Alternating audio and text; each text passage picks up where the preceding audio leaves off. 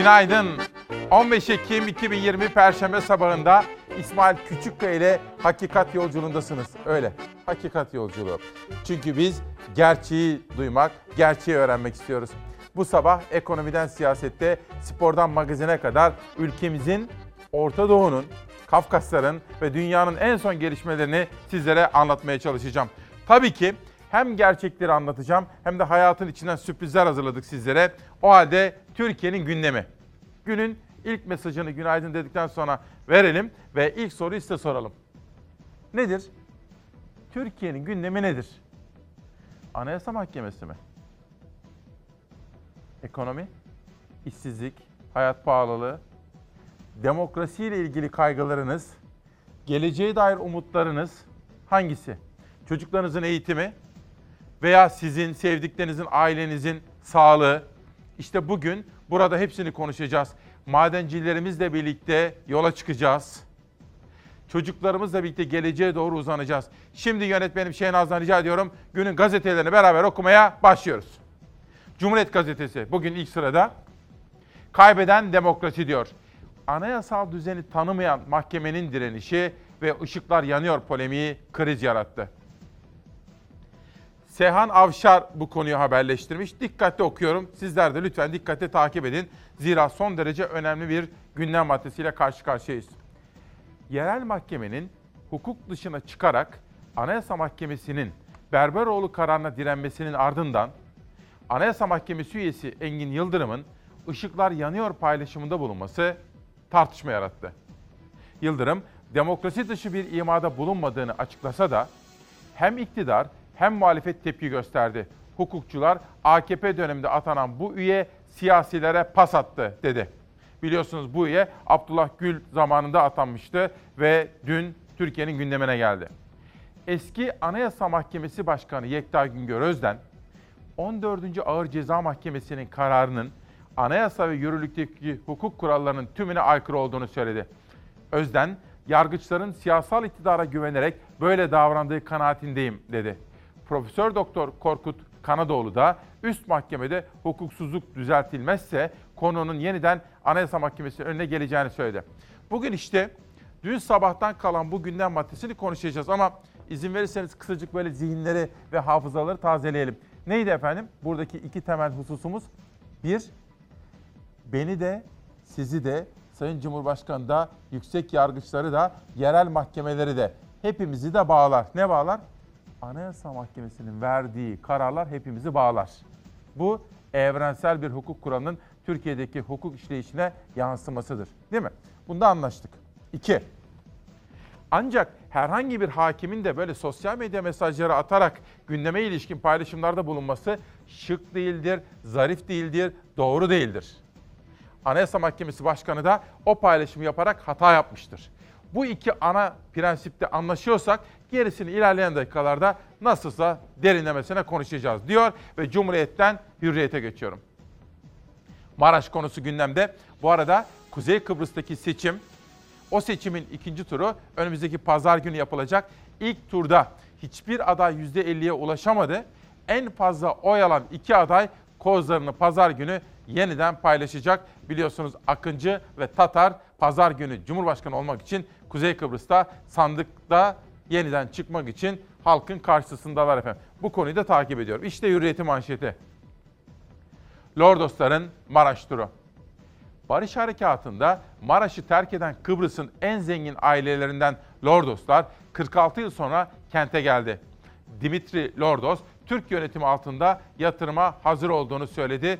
Bu da işte pazar günkü seçim öncesinde meydana gelen bir ilginç gelişme ve hürriyete yansıması. Hürriyetten bir sonraki gazeteye geçeceğim. İlk haberim bugün korona. Dün bilim kurulu toplantısı gerçekleşti. O toplantının sonrasında Sağlık Bakanı Sayın Fahrettin Koca açıklamalar yaptı. Biz o açıklamaları böyle parça parça manşet manşet aldık. Saat 10.30'a kadar bu sabahki buluşmamızda sizlere o bilgileri aktaracağım efendim. İşte birisi. İstanbul'da vaka son bir ayda %50 arttı. Bakın çok önemli. Ankara geçen aylardaki olumsuz tabloyu tersine çevirmeyi bildi. Başkente, başkentlere bir alkış. Ama İstanbul Ankara gibi olmadı. Şimdi Ankara'nın geçmişteki gibi olumsuz bir tabloyla karşı karşıya mega kent İstanbul. Okuyorum.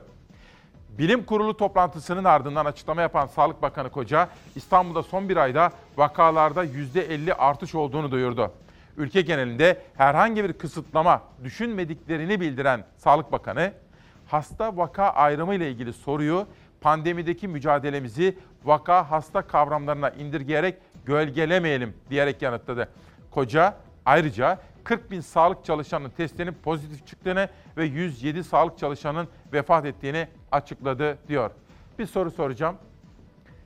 Buradaki esas vurucu cümle hangisidir efendim? Sizi böyle çarpması gereken, sizi uyan, alarma geç diyen nedir?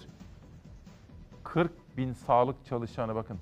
40 bin sağlık çalışanının COVID'e yakalandığı bilgisi. Bu hepimizi uyandırmalı ve alarma geçirmelidir. hasta yazılmış olması bizim verdiğimiz o rakamı şeffaf bir şekilde vermek içindi. O ayrımı yapmak içindi. Dolayısıyla bu anlamda bir kafa karışıklığının olmaması gerekiyor. Bu bir itiraftır. Bugüne kadar kamuoyu yanıltılmıştı. 8 aydır benden duyduğunuz rakamlar yanlıştı. Bir bakan bu duruma düşmemeli. Vatandaşımıza ilk günden beri verdiğimiz bütün rakamların doğru olduğundan vatandaşımız tamamının doğru olduğundan emin olsun. Türkiye olarak pandemideki mücadelemizi vaka hasta kavramlarına indirgeyerek gölgelemeyelim. Bakan vaka hasta ayrımı ile ilgili tartışmalara açıklama getirdi, mücadeleyi gölgelemeyelim dedi. Temmuz ayından itibaren tabloya yansıyan vaka hasta kavramları arasındaki farkın kesitsel taramalarla ilgili olduğunu söyledi. Daha önce bu kesitsel taramalar olmadığı için burada daha şeffaf olmak anlamında vatandaşa karşı hasta tanımını kullandık ve bu kesitsel taramaları da yer yer bildiriyor olmuş olacağız. Bu bir itiraftır. Bugüne kadar kamuoyu yanıltılmıştı. 8 aydır benden duyduğunuz rakamlar yanlıştı. Bir bakan bu duruma düşmemeli. Ekim ayının başından itibaren başladı vaka hasta kavramı arasındaki tartışma. CHP Ankara Milletvekili Murat Emir, Covid pozitif vaka sayısı açıklanan hasta sayısının 20 katına yakın iddiasında bulundu. Sağlık Bakanı her hastanın vaka kabul edilmediğini söyledi. Her vakanın artık hasta kabul edilmediğini söylediniz. Artık değil öyle zaten. Türkiye'de kaç asemptomatik pozitif e, vaka var şu anda ve bunlar da tabloya eklenebilecekler mi? Bizim verdiğimiz günlük hasta sayısı. Zaten 29 Temmuz'dan itibaren de günlük hasta sayısı olarak verdik. Verdiğimiz bilgi bu. Bakan iddialara cevaben yaptığı paylaşımda ulusal çıkar vurgusu yapmış, vaka sayısını yine vermemişti. Sayın Sağlık Bakanı Koca yaptığı açıklamalarda itiraf ve ikrarda bulunmuş. Demek istiyor ki Sayın Bakan biz bugüne kadar Türk milletinden ve bilim insanlarından gerçekleri sakladık. Ancak bugünden itibaren yapılan veri açıklamalarında vaka sayıları da verilecek. Bu farkın kitlesel taramalardan kaynaklandığını açıkladı. Organize sanayi bölgelerinde, cezaevlerinde, askeriyede veya sporculara yapılan testler gibi kitlesel testlerin sonuçlarının da tabloya yansıyacağını söyledi bakan. Vaka hasta ayrımının sadece semptomu olanlara yapılan test sonuçlarının verilmesinden kaynaklandığını açıkladı. Bu semptomu olan kişilere yaptığımız testler dışında Temmuz ayından itibaren de bizim özellikle kesitsel taramalar ayrıca saha çalışmalarımız, saha taramalarımız oldu. Bizim daha önceki sayılar içinde o hasta içinde olmayan bir rakamdı bu kesitsel tarama. Sadece semptomu olanlara test yapıyoruz. Semptomu olanlara yaptığımız testlerin sonuçlarını tabloya taşıyoruz dedi bakan özetle. Semptom gözetmeden yapılan kesitsel taramaların tabloya yansımadığını söyledi. Bugünden itibaren saha taramalarının sonuçlarının açıklanacağını duyurdu. Siz eğer bunu gizleyebilir durumda olursanız pandemiyle siz mücadele edemezsiniz. 15 Ekim'de bu sabah Türkiye'nin gündemi dedik. Ezgi Gözeger takip etti. Bugün en fazla üzerinde duracağımız konulardan birisi bu. Sağlık Bakanı yaptığı açıklamalar, bilim kurulunda alınan kararlar veya alınmayan kararlar. İktidar muhalefet ne diyor? Ona detaylı olarak bakacağız. Bugünkü ana öykümüzde 10.30'a kadar bu. Ve sizler, siz kıymetli Çalarsat ailesinin görüşleri, yorumları ve bize veya genele itibariyle eleştirileri. Kenan Akkocaoğlu. İsmail Bey günaydın. Türkiye'nin gündemi nedir diye soruyorsunuz. Asıl konu AYM kararları öyle mi? Halkın ekonomisi yani işçi, çiftçi, esnaf, emekli, memur, milyonlarca işsiz, yoksulun acıyı bal eylesin. Yoksulum acıyı bal eylesin ama diyor birileri avroları ne yapsın? Adalet mi diye soruyor efendim. Bir kelimesini söylemedim canlı yayında olduğum için. Şimdi sırada pencere var. Cambaza bak siyaseti. Yerel mahkemenin Anayasa Mahkemesi'ni yok sayması unutuldu. Cambaza bak siyaseti. Anayasa Mahkemesi'nin Enis Berberoğlu ile ilgili verdiği hak ihlali kararı yerel mahkeme tarafından yok sayıldı. Ancak siyaset bu olay yerine Anayasa Mahkemesi üyesi Engin Yıldırım'ın ışıklı sosyal medya mesajını konuştu. Pencere gazetesinin editörleri bütün bu gelişmeleri cambaza bak siyaseti şeklinde manşette aktarmışlar. Efendim bakın tekrar etmek istiyorum. Yüce Mahkemenin verdiği vereceği kararlar hepimizi etkiler, etkilemesi gibi hepimizi bağlar. Yani ben bu mahkemenin karar tanımıyorum diyemezsiniz. Ben bu mahkemenin kararını sevmiyorum diyebilirsiniz. Beğenmedim diyebilirsiniz. Ama ben bu mahkemenin kararını uygulamıyorum diyemezsiniz. Arzu ediyorsan bu işi istifa edersin. Gelirsin siyasetin içerisine girersin. Siyasetin içerisinde bunu da bundan daha ötesini de söyleme şansını da yakalarsın. Olay bu kadar basit. Işıklar yanıyor. Işıklarımız hiç sönmüyor. Anayasa Mahkemesi'nin herhangi bir üyesinin şahsi sosyal medya hesabından yaptığı paylaşımlar Anayasa Mahkemesi'nin kurumsal görüşünü yansıtmaz. Burada özellikle bireysel bir tweet olarak bunu değerlendirmek doğru olmaz. Bütün çalışıyoruz, ışıklarımız yanıyor ifadesiyle zaten bir bütünü ifade eden, adeta bir kolektif yapıyı ifade eden bir yaklaşım söz konusu. AYM üyesi Engin Yıldırım tam da 14. Ağır Ceza Mahkemesi'nin AYM kararına direndiği gün Yüksek Mahkeme binasının fotoğrafını da ekleyerek yaptığı ışıklar yanıyor paylaşımını. İçişleri Bakanlığı'nın sosyal medya hesabından ışıklarımız hiç sönmüyor yanıtı geldi. İktidar cephesi Yıldırım'ı darbe imasıyla suçlarken Yeni Günde Anayasa Mahkemesi kurumsal görüş değil açıklaması yaptı ama Cumhurbaşkanı bireysel olamaz dedi. Bunu şu anda Anayasa Mahkemesi Başkan ve heyeti düşünmelidir. Ortada böyle bir tablo varsa gereğini de onlar yapmalıdır. Daha önce İçişleri Bakanı Süleyman Soylu'nun Anayasa Mahkemesi Başkanı'na yönelik koruma isteme mesaiye bisikletle git sözlerine yine sosyal medya hesabından yanıt veren isimdi üye Engin Yıldırım. Bu kez paylaşımı daha büyük bir tartışma yarattı. 14. Ağır Ceza Mahkemesi'nin AYM'nin Enis Berberoğlu ile ilgili kararına uymadığını açıkladığı gün Yüksek Mahkeme binasının fotoğrafını paylaştı. Işıklar yanıyor dedi. vesayet çağrışımlarını ortaya çıkaracak tutum, davranış ve söylemlerden başta hukukçuların kaçınması lazım. Anayasa Mahkemesi anayasal düzene karşı her türlü demokrasi dışı girişimi reddetmekte ve demokratik hukuk devletinin yanında durmaktadır. Anayasa Mahkemesi darbe iddiasına bu açıklamayla karşı çıkarken Engin Yıldırım da özür diledi. Kasıtlı olarak hukuk veya demokrasi dışı bir olguya atıf yapmam söz konusu değildir. Ancak insani bir yanılgıyla yanlış yorumlanmaya müsait şekilde paylaştığım mesaj dolayısıyla kamuoyundan özür diliyorum. Tartışmalı bir tweet attığı için de tartışılır hale geldi. Çok talihsiz bir açıklama. Bu talihsiz açıklamayı keşke yapmamış olsaydı. Ben herkesi hukuk devleti sınırları içerisinde kalmaya davet ediyorum. Anayasa Mahkemesi üyesinin atmış olduğu münasebetsiz tweet bu disiplin suçuysa o işlesin. Herkes bilsin ki burada münasebetsizlik yapan bedelini öder. Hepsi bu kadar. Anayasa Mahkemesi üyesi. Kararınla konuşacaksın kardeşim. Sen siyasetçi değilsin. Hele hele böyle abuk subuk çağrışımlar kabul etmemiz bunu mümkün değil. Ama kim atadı? Kardeşim bu Anayasa Mahkemesi'ni AK Parti döneminde atandı. İçişleri Bakanlığı ile Anayasa Mahkemesi biri kurumsal hesaptan biri kişisel hesaptan kapışıyorlar gecenin 11'inde olacak şey mi? Anayasa Mahkemesi üyesi Engin Yıldırım'ın paylaşımıyla başlayan tartışmanın gölgesinde MHP lideri Bahçeli'nin birkaç hafta önceki çıkışı yeniden gündeme geldi. AYM'nin yapısı değişmeli demişti Bahçeli. Erdoğan'a soruldu. İnşallah. Bu konuda biraz daha konuşmamız gerekiyor fakat uyanan sizler, sizlerin yorumları. Celal Demir'in de kafası karışmış Sağlık Bakanı yaptığı açıklamalardan sonra vaka sayısı, hasta sayısı, semptom belirten belirtmeyen Celal Demir de kafası karışanlardan efendim. Bir başkası hak arayan Türkiye'nin gündemi İsmail Bey. KPSS B grubunun sınavı 2 yılda bir yerine her yıl sınava girmek istiyor. Sesimizi duyan kimse yok. 2 yıl evde ellerimiz kollarımız bağlı oturmak istemiyoruz diyor efendim. Bakın şunu tekrar etmek istiyorum. Bir hakim böyle tweet atarak, Instagram paylaşımı yaparak falan görüşlerini açıklamaz. Bir hakim oturacak, anayasaya bakacak, yasalara bakacak, olaya bakacak, delillere bakacak, vicdanına bakacak, aklını kullanacak, kararını verecek orada. Yüce Türk milleti adına diyor. Bir hakim bunu yaptı, hata. Yani kararını vererek konuşmak yerine sosyal medya paylaşım yaptı. Kesinlikle hata. Onu savunacak hiçbir taraf yok. Ama Türkiye'm uyanık olun.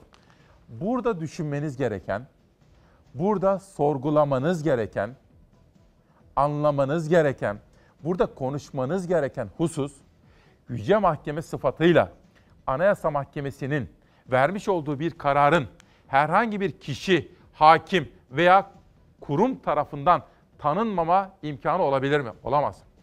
Burada gündem bu olmalı. Konuşulması gereken Yüce Mahkemenin verdiği kararların bağlayıcılığıdır. Herhangi bir yerel mahkeme ben bu kararı tanımıyorum diyemez. O zaman ben bu ülkenin bir yurttaşı olarak, Türkiye Cumhuriyeti sevdalısı olarak, hukukun üstünlüğüne inanan bir yurttaş olarak ben kime güveneceğim? Mahkemelerin verdiği kararlara ilişkin Yüce Mahkeme diye bir tesis edilmiş bir kurum var orada. Yüce Mahkemenin kararları herkesi bağlar. Esas gündem budur. İktidarlar ne istiyor? Esas gündem konuşulmasın. Onlar istedikleri gündem olsun isterler. Ama siz bilinçli yurttaşlar bu oyunlara gelmeyeceksiniz. Esas gündemi yakalamanız gerekiyor. Sözcü. Ama bir saniye. Tabii Türkiye'nin sorgulayan gazetecileri var. Barış Terkoğlu onlardan biri. Türkiye'yi karıştıran hakimi nereden hatırlıyorum? Keşke mahkemeleri konuşmadığımız bir gün olsa.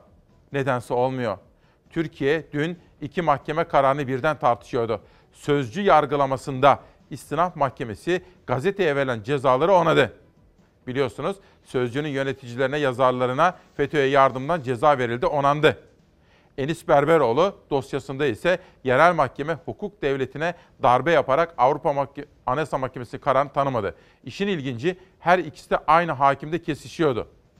Bunun dışında bakın o hakimle ilgili Canan Kaftancıoğlu kararı, Çağdaş Hukukçular Derneği kararı, Sebahattin Selahattin Demirtaş kararı, Sırrı Süreyya Önder'in kararı, Can Dündar'ın mal varlığına el konulması pek çok başka dosyada bir kritik dosya daha var ama onu da ben söylemeyeyim sizlere efendim. Ama Barış Terkoğlu bugün sorgulamış. Bugün dört ayrı yazardan alıntılar yapacağım özet olarak. Sözcü. Her ışık söner, bu ışık sönmez diyor Sözcü'nün editörleri. Türkiye hukukun üstünlüğünü konuşmalı. Işıklar hukuksuzluğun üstünü kapatmasın. Anayasa Mahkemesi üyesinin mesajıyla başlayan ışık polemiği CHP'li Elis Berberoğlu ve Sözcü'ye yapılan hukuksuzlukları perdeledi. Buna tepki yağdı, işte onlar diyor. Konuşanlara şöyle bir baktığım zaman efendim, Muharrem Erkek CHP'den, Aytun Çıray İyi Parti'den, Hikmet Sami Türk eskiden Adalet Bakanlığı da yapmış, Ecevit döneminin önemli isimlerinden biridir. Ve Mustafa Yeneroğlu da bu iktidar zamanında önemli görevlerde de bulunmuş, temsil görevlerinde bulunmuş. Şimdi de bakın muhalefet saflarında görev yapıyor. İşte bütün onlar da konuşmuşlar ve görüşlerini aktarmışlar. Bir sonraki gazetemiz Sabah. Sabah gazetesinin manşeti. Işıkçı yargıca istifa çağrısı. Anayasa Mahkemesi üyesi Engin Yıldırım'ın darbe imalı paylaşımı Türkiye'yi ayağa kaldırdı. Her kesimden istifa çağrısı yükseldi dedi. Fakat şunu da söyleyeyim. Alican Uludağ gibi adalet mekanizmasını takip eden gazeteci, muhabir arkadaşlarımız var. Onlar bu hakimin genellikle özgürlükçü kararlar verdiğinin altını çizen tweetler attılar. Ve iktidarın bu hakimi de değiştirmek istediğine dair yorumlar yaptılar. Bilemem. Ama adliye koridorlarını takip eden Alican Uludağ gibi gazeteciler böylesine yorumlar yaptılar. O bir tarafa ama bu hakimin burada yaptığı da hatadır. Onun da altını bir kere daha çizmek isteyelim. Çünkü ilke şudur. Hakim nasıl konuşur? Kararlarıyla konuşur. Bir soru daha. Bizim Çalarsat ailesinin temel felsefelerinden mutlaka takip ettiğimiz seslerden biri kimin sesidir efendim? İşçinin, alın teriyle çalışanın ve madencinin.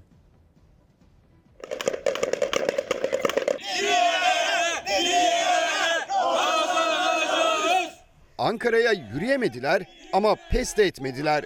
Hak arama nöbetinin ikinci gününü de geride bırakmak üzere madenciler.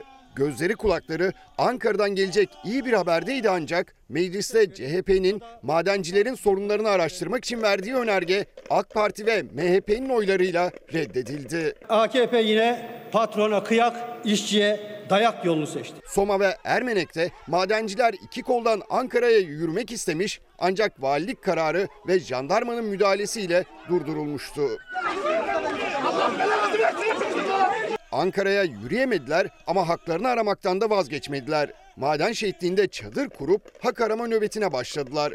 Bağımsız Maden İş Genel Başkanı Tahir Çetin de Türkiye Kömür İşletmeleri Genel Müdürlüğü ve bakanlık yetkilileriyle Ankara'da görüşmek için yola çıktı. Toplantıdan bir sonuç çıkmaz ise bizim kararımız ne?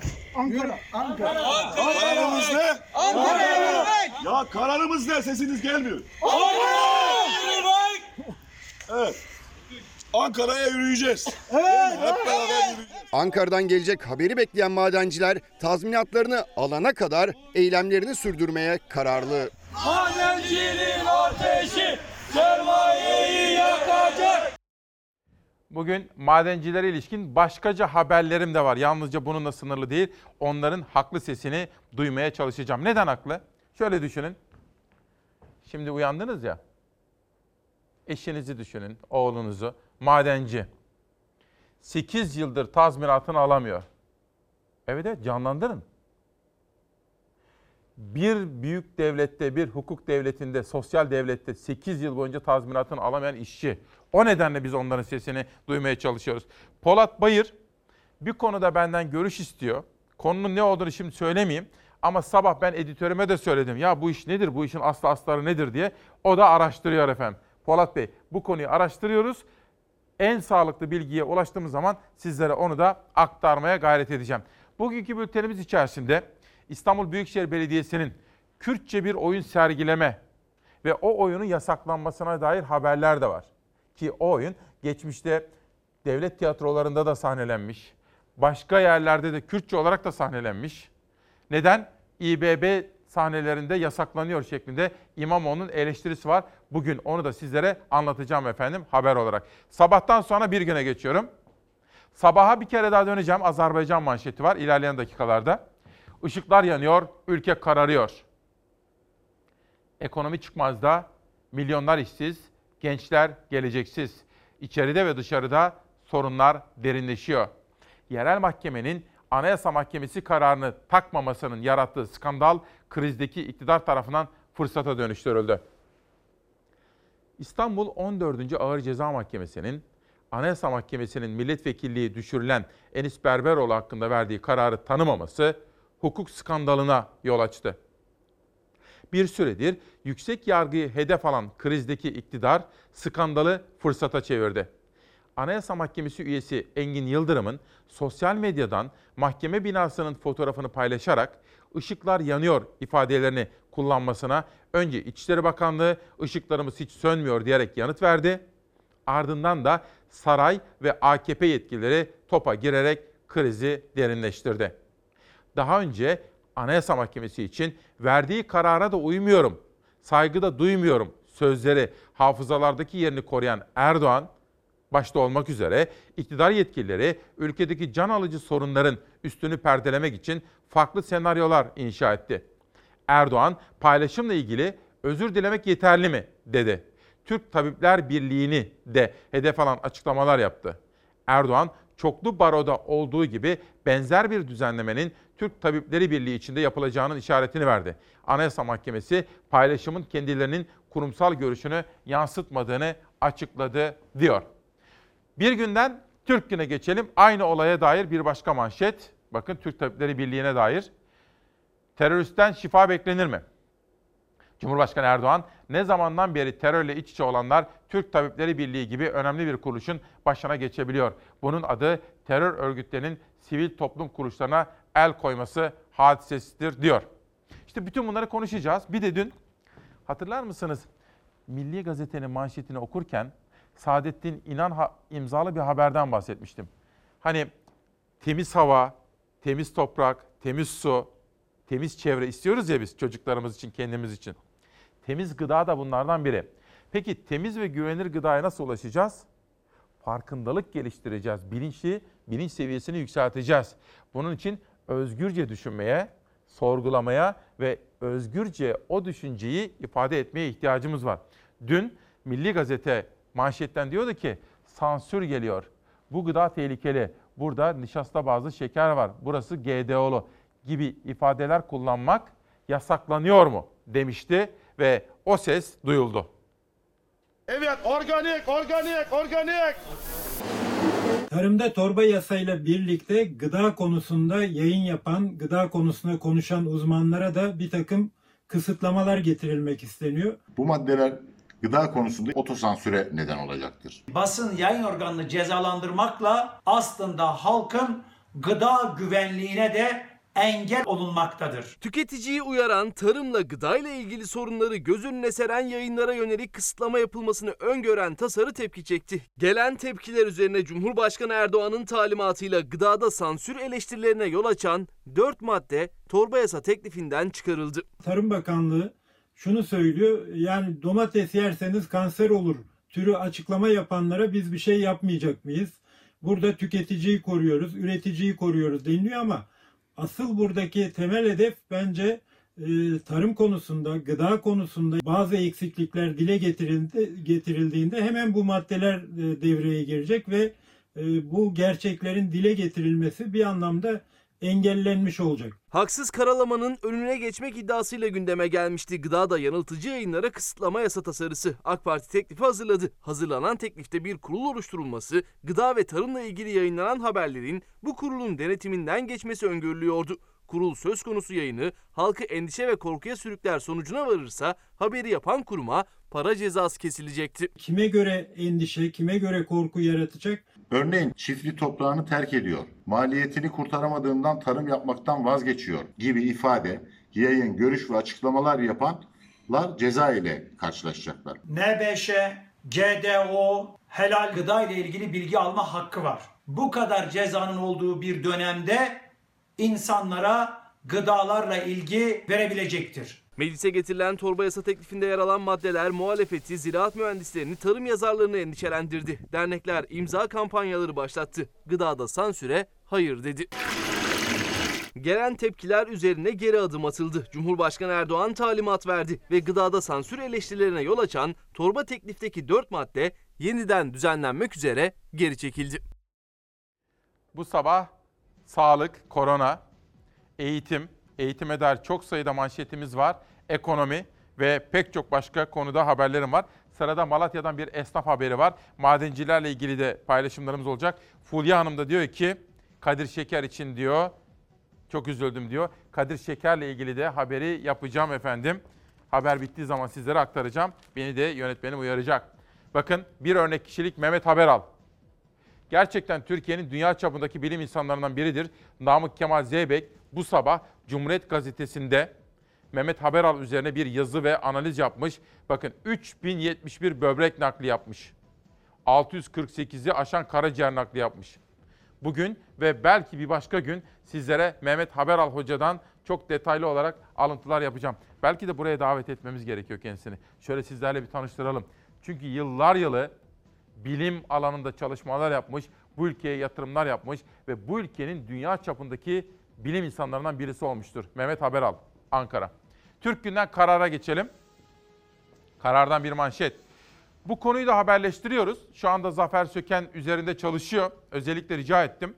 Çünkü söylemleri çok çarpıcı, bizler için de düşündürücü. Rusya'nın iki numaralı ismi Putin'in sağ kolu. Lavrov konuştu. Moskova ile en büyük çatlak.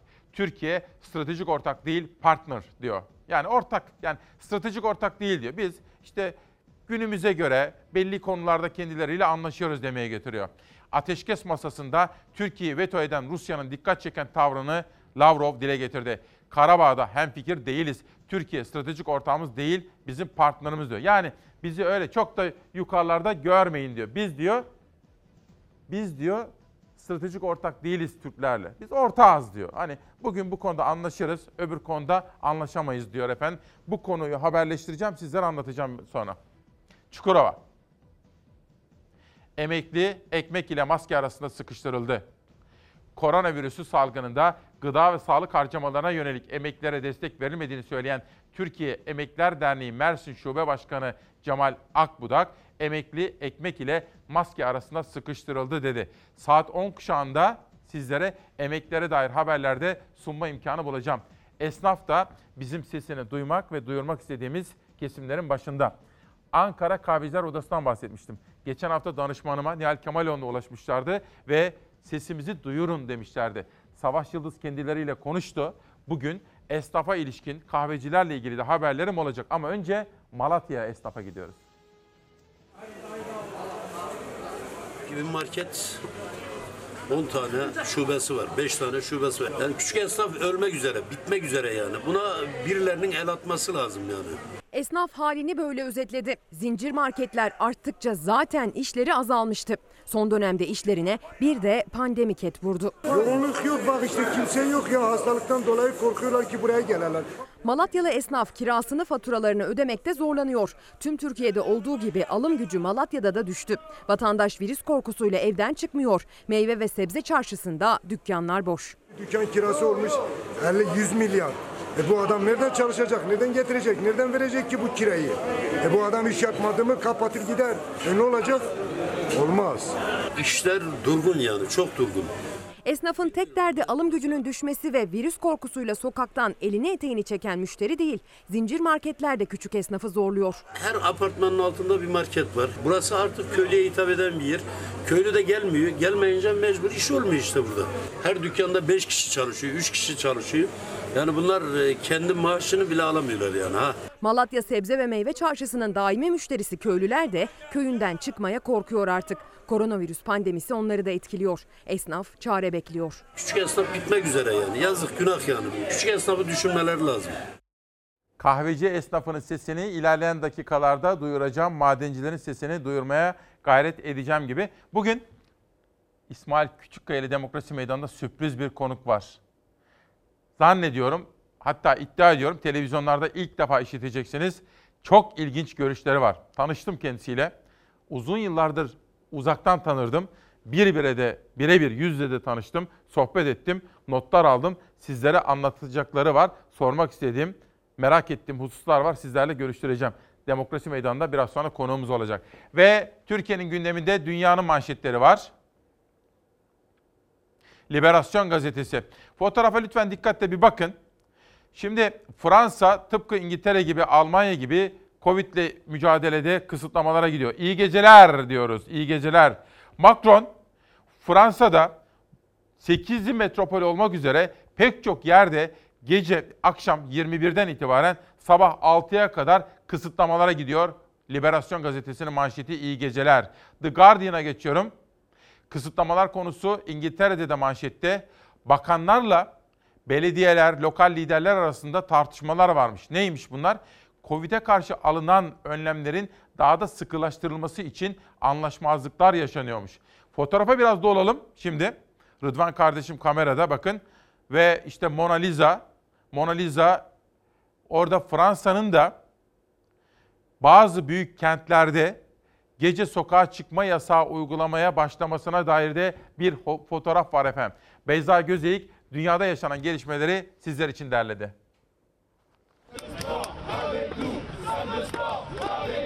Fransız hükümeti beklenen kararı verdi. Paris'te sokağa çıkmak kısıtlandı. İran'da salgın kontrolden çıktı. Beş büyük kente giriş çıkışlar yasaklandı. Amerika Birleşik Devletleri Başkanı Trump'tan sonra oğlu Barron Trump'a da virüs bulaştı.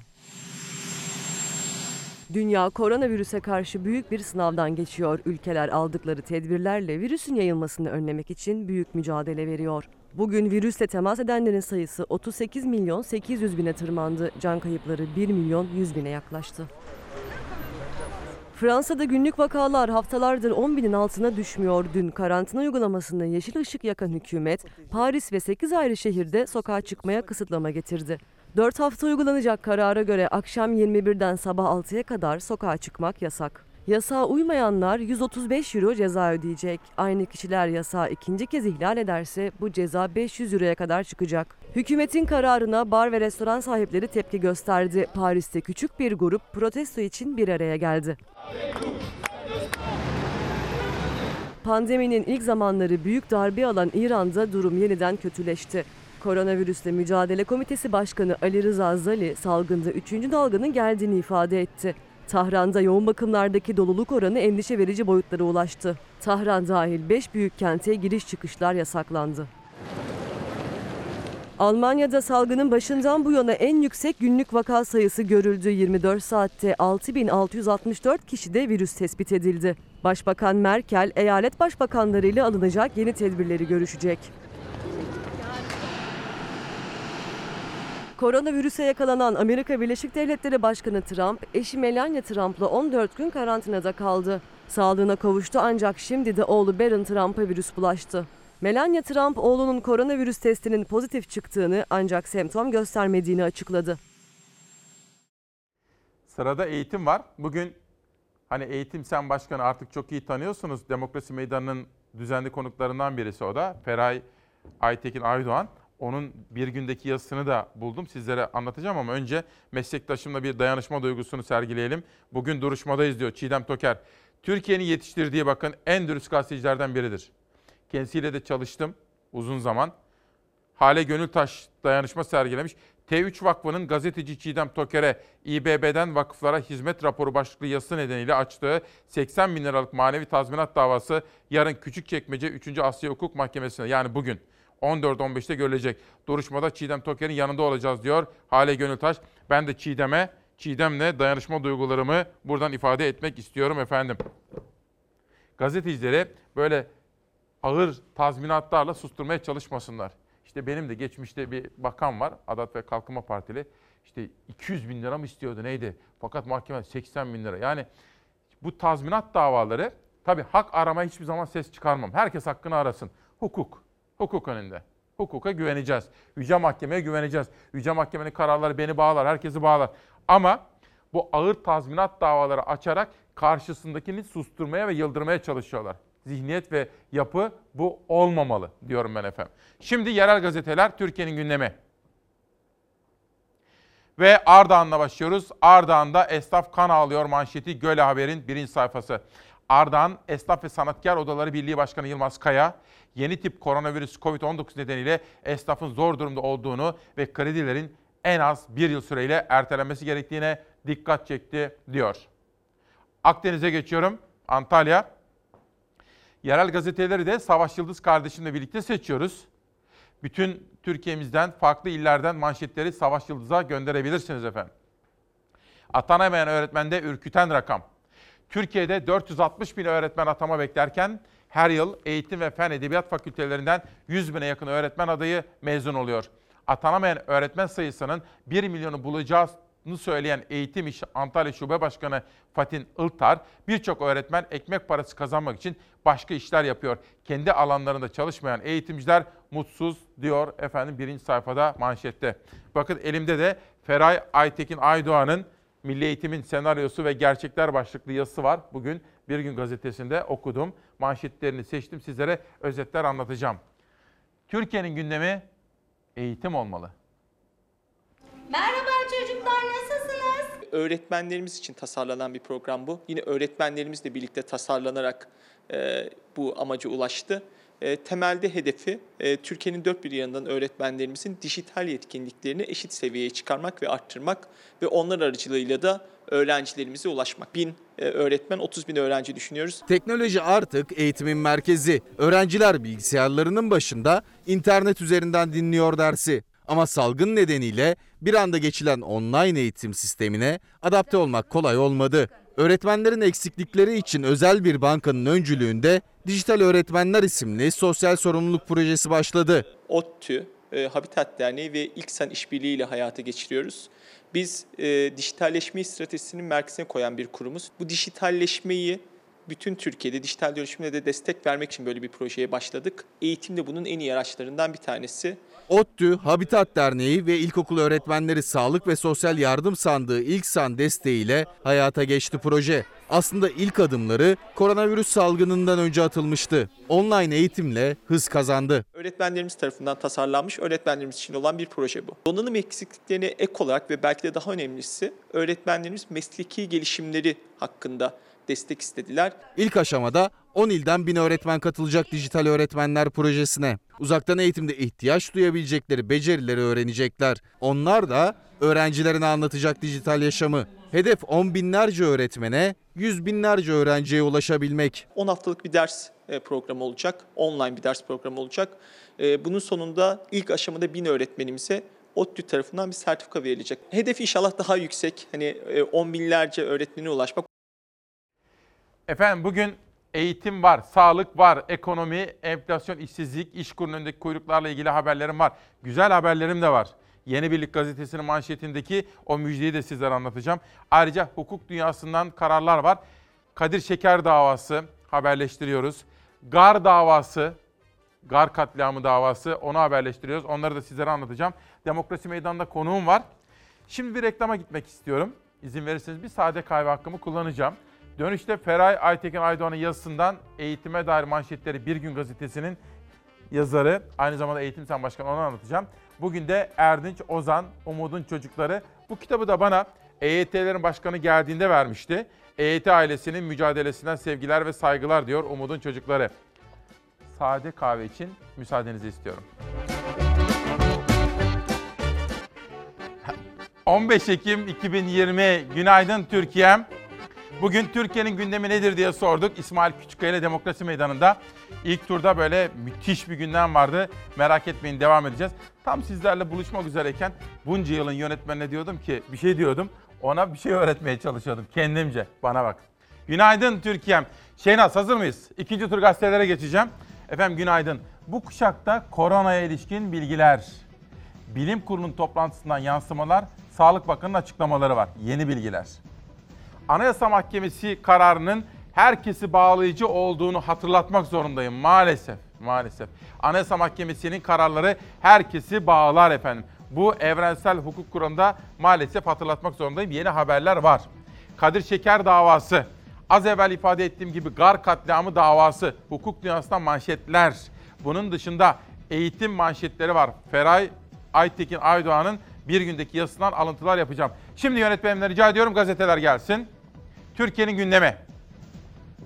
Milliyet'te başlıyorum bu defa. İlk turda Cumhuriyet ve Hürriyet vardı. Kararlarıyla sık sık siyasi tartışmaların odağında olan Anayasa Mahkemesi, yerel mahkemenin AYM kararını tanımaması, bakın bu cümle. Yerel mahkemenin Anayasa Mahkemesi kararını tanımaması ve bir üyesinin tweetiyle gündeme oturdu diyor efendim. İşte dünden bugüne geçerken Türkiye'nin gündemi budur. Hazır mısınız efendim? Hava durumuyla başlıyoruz. Sıcaklıklar artıyor, güneş görüldüğü ölçüde yaz mevsimindeymiş gibi ısıtıyor bugün. Batıda sonbahar serinliği birkaç günlük ara verecek. Ancak hafta sonu yeniden yağış geliyor. Sıcaklıklar hafta sonunda yine düşüşe geçecek. Günlerdir batı bölgelerde sabah ve akşam saatlerinde üşüten sonbahar serinliği yerini ılık havaya bırakıyor bugün. Gün ortasında sıcaklıklar arttıkça hava terletecek. Bugün yurt genelinde neredeyse hiç yağış yok. Sadece Doğu Karadeniz kıyıları çok bulutlu olacak, zaman zaman yağış görülecek. Kalan kesimler parçalı az bulutlu. Cuma günü de yine bol güneşli bir gökyüzü bekliyor ülkeyi. Yağış yok denecek kadar az, sıcaklıklar yine mevsim normallerinin üzerinde seyredecek. Perşembeden cumaya termometreler birkaç derece daha yükselecek. Ancak cumartesi günü Marmara ve Ege'de gökyüzü bulutlanacak, yağmur ihtimali görülecek. Ege bölgesinin kuzey ve kıyı kesimleriyle Marmara bölgesi genelinde sağanak geçişleri görülebilir cumartesi. Cumartesi sadece batı bölgelerde, pazar günü ise tüm batı bölgelere ilave olarak Batı Karadeniz ve Batı Akdeniz'i de içine alacak şekilde yağış ihtimali var. Cumartesi pazar sıcaklıklarında birer ikişer düşmesi bekleniyor.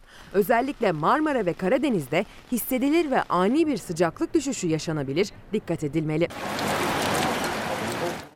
yargı kararlarının mesela Kadir Şeker davası, Gar katliamı davasının dışında hukuk dünyasından haberler ve ayrıca madencilere, esnafa ilişkinde haberler hazırladık. Sizlerle buluşacak Kahveciler Odası'nın sesini duymaya ve duyurmaya gayret edeceğim. Şimdi yönetmenimden rica ediyorum bakın görseller. Sağlık Bakanı dün konuştu. Sizlere bu bölümde ve bundan sonraki kuşakta 10 kuşağında da Sağlık Bakanı'nın bilim kurulundan sonra yaptığı açıklamaları manşetler olarak kısa kısa yalın bir şekilde anlatma gayreti içinde olacağız. İşte birisi T24. Bakan Koca açıklıyor. Sağlık çalışanlarımız arasında testi pozitif çıkanların sayısı 40 bini geçti. Testi pozitif çıkan ve hayatını kaybedenlerin sayısı da 107 oldu. Burada bir dakika durur musunuz efendim? Hani ben sizlere zaman zaman söylüyorum ya. Burada hani giyinmeyi, kuşanmayı da bırakın. Kahvaltı yapıyorsunuz onu da bırakın. Şöyle bir oturun. Bunu anlamamız gerekiyor hepimiz. Bakan diyor ki üzerinde duralım diye. Haberi izlerken de düşünün diye olur mu? Zihin egzersizi yapalım. Sağlık Bakanı diyor ki Covid ile mücadele ederken Covid'e yakalanan ve toplam Covid hastası sağlık çalışanı sayısı testi Covid çıkan, pozitif çıkan has, sağlık çalışanı sayısı kaç biliyor musunuz? 40 bin. Sağlık çalışanlarımızın özellikle pozitif olan, semptomu olan veya olmayan. Biz çünkü riskli grupta, riskli alanda çalışan COVID servis, poliklinik, yoğun bakım, e, acil gibi alanlarda çalışan sağlık çalışanlarımızı talepleri halinde haftalık taramalarında yapıyoruz. Bunu başladık biliyorsunuz.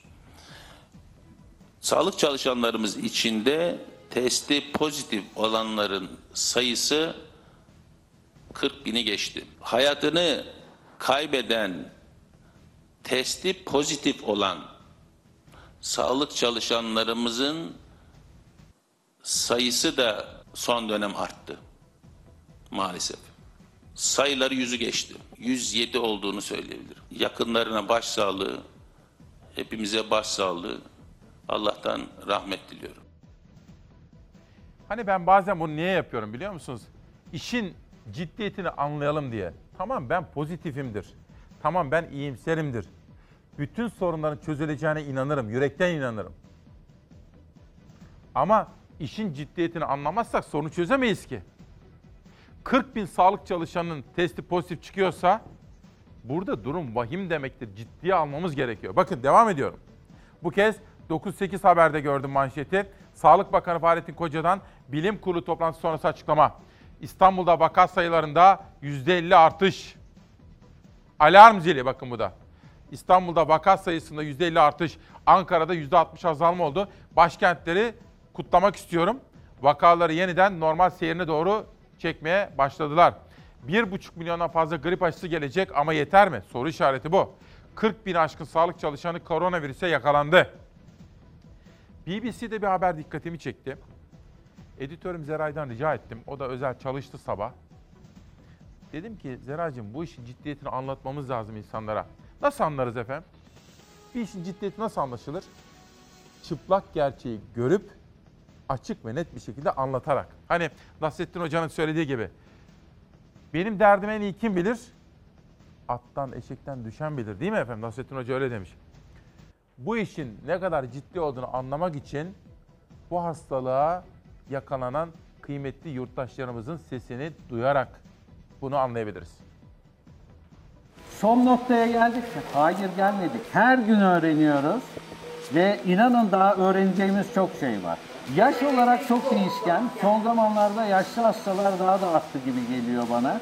Çünkü belli bir zamana kadar koruduğumuz yaşlıları koruyamaz hale geldik. Açılma tedbirlerinin hızlı devreye girmesinden sonra. Ama her yaştan hasta alıyoruz. Nasılsınız bugün? İyi misiniz?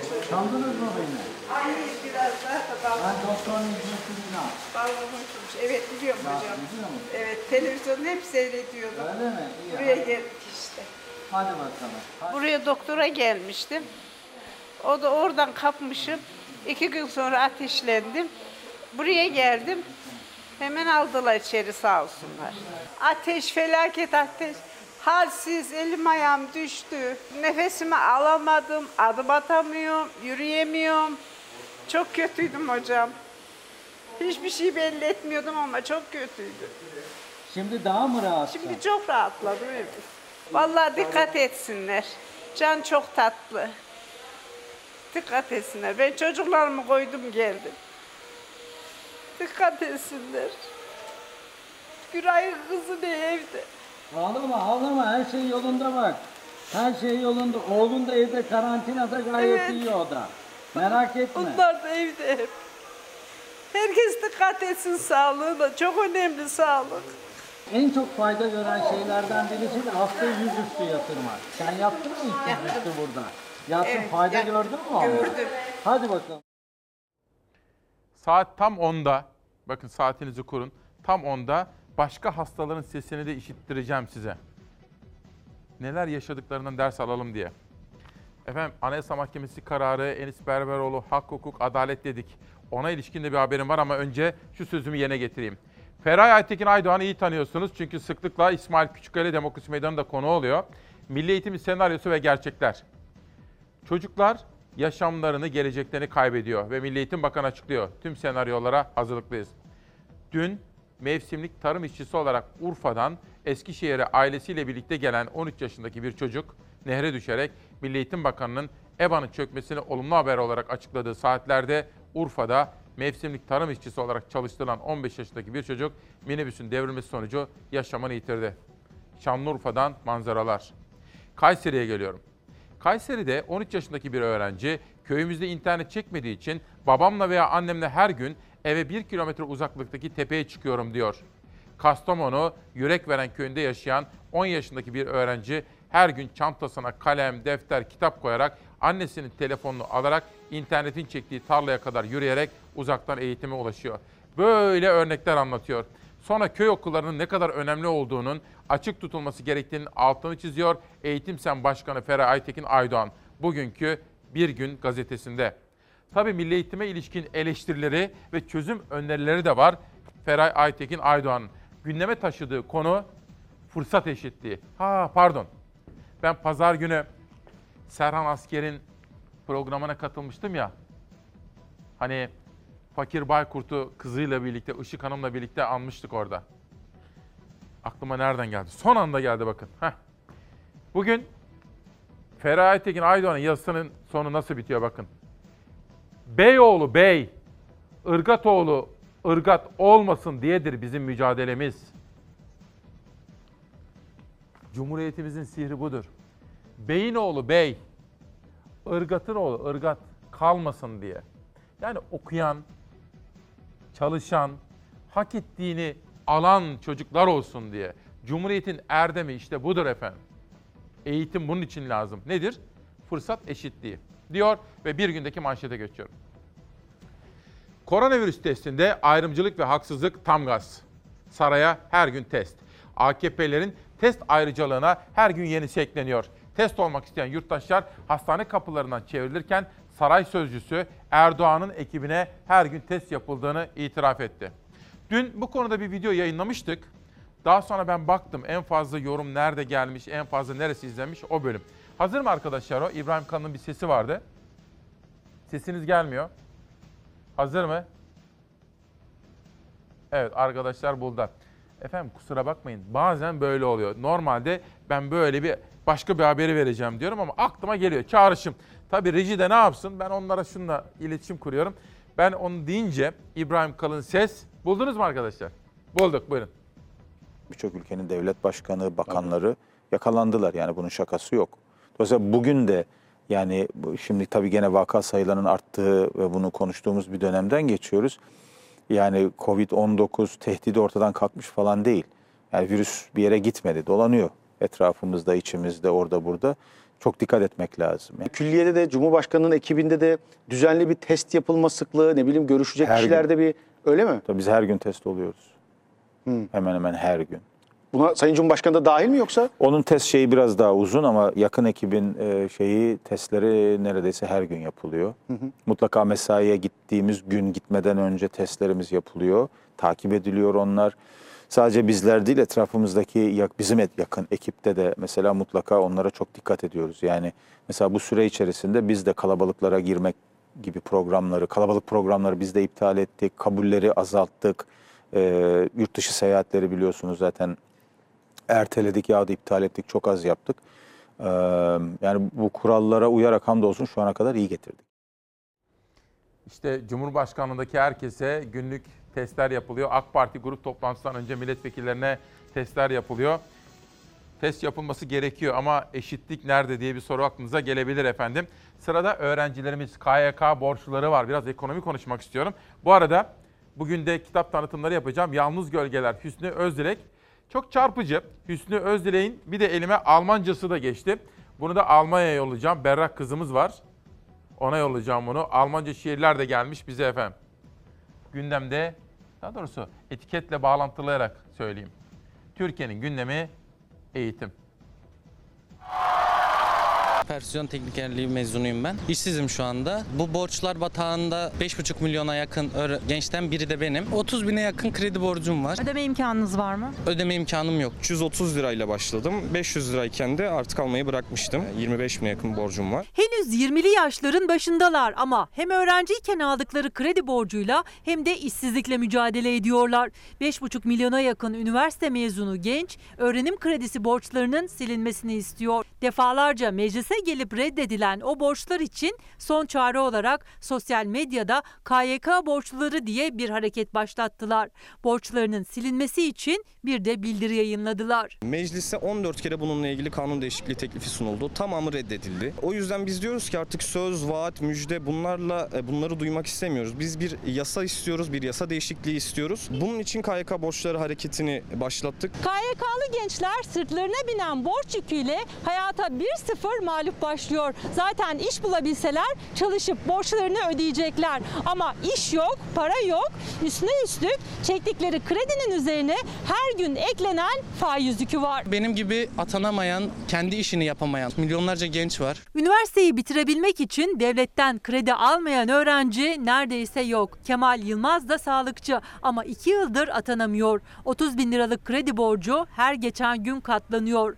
Mert Batur ise hukuk fakültesi son sınıf öğrencisi. Mezun olup bir işe girse bile 25 bin liraya yakın borcunu ödeyebileceğine dair umudu yok. Zaten çok yüksek derecede bir öğrenci borçluluğu var. Bir de bu faizlerle iyice ödenmez hale geliyor. Yani aslında biz daha fazla borçlanmak pahasına borçlarımızı erteleyebiliyoruz. Biz bu sarmalın kırılmasını istiyoruz. Yani ertelemek de çözüm olmuyor. Üstelik yıllarca yük olacak o kredi üniversite okurken de yetmiyor öğrencilere. Ben KYK yurdunda kalıyordum. Zaten aldığım KYK'nın çoğunu yurda veriyordum. Çoğu üniversite öğrencisi henüz okurken iş aramak zorunda kalıyor. Devletten aldığımız ücret yetmiyor. Her dönem kitap almak zorundayız. Tavsiye malzemelerimiz var, bilgisayar ücreti, internet ücreti hani maalesef yetmiyor. Markette çalışacağım ben kasiyer olarak. Hangi bölüm? Halkla ilişkiler ve tanıtım. Babama yük olmak istemiyorum. Bir yandan okuyup bir yandan da çalışmayı planlıyorum yani. İş aramaya mezun olduktan sonra da devam eden gençler KYK borçlarının silinmesini istiyor. İşsiziz, genciz. KYK borcumuz o kadar kişinin borcu siliniyorken bizim de silinebileceğini biliyoruz. Ve silinmesini istiyoruz. Bizim rejide Tülin ablamız var. Onun da kızının KYK borcu varmış. Onu da söyleyelim efendim. Sırada eğitime dair velilerin ne kadar zorlandığına ilişkin bir başka haber var. Kırtasiye haberi. Onu arkadaşlarım hazırlarken ben size devletimize 45 yıl hizmet etmiş birisi, meclis başkanlığı da yapmış, ekonomiden sorumlu bakanlık yapmış bir isim Kaya Erdem. Neden başaramıyoruz? Bana imzalamış, imzasının dışında bir de mektup bırakmış efendim içinde. Kendisine de teşekkür ediyorum. Kaya Erdem neden başaramıyoruz? Başarmak için ne yapmamız gerekiyor? Bunu biraz sonraki konuğuma da soracağım. Ve sıra geldi Pencere gazetesine. Erdoğan TTB, Türk Tabipleri Birliği Başkanı'ndan terörist diye bahsetti. Baro'dan sonra Türk Tabipleri Birliği meclis gündeminde diyor. Tabii iktidar şunu istiyor efendim. Bakın ben burada Türk Tabipleri Birliği, barolar filan tek tek öznel olarak birinden bahsedecek değilim. Ama genel itibariyle şunu istiyorlar. Kimse itiraz etmesin. Aykırı ses olmasın. Herkes iktidarın istediği gibi konuşsun. Oh öyle memleketi herkes yönetir. Öyle değil. Farklı seslere tahammül edeceğiz. Demokrasi çok seslilikten beslenir. İfade özgürlüğü demokratik bir ülkenin en temel değerlerinin başında gelir.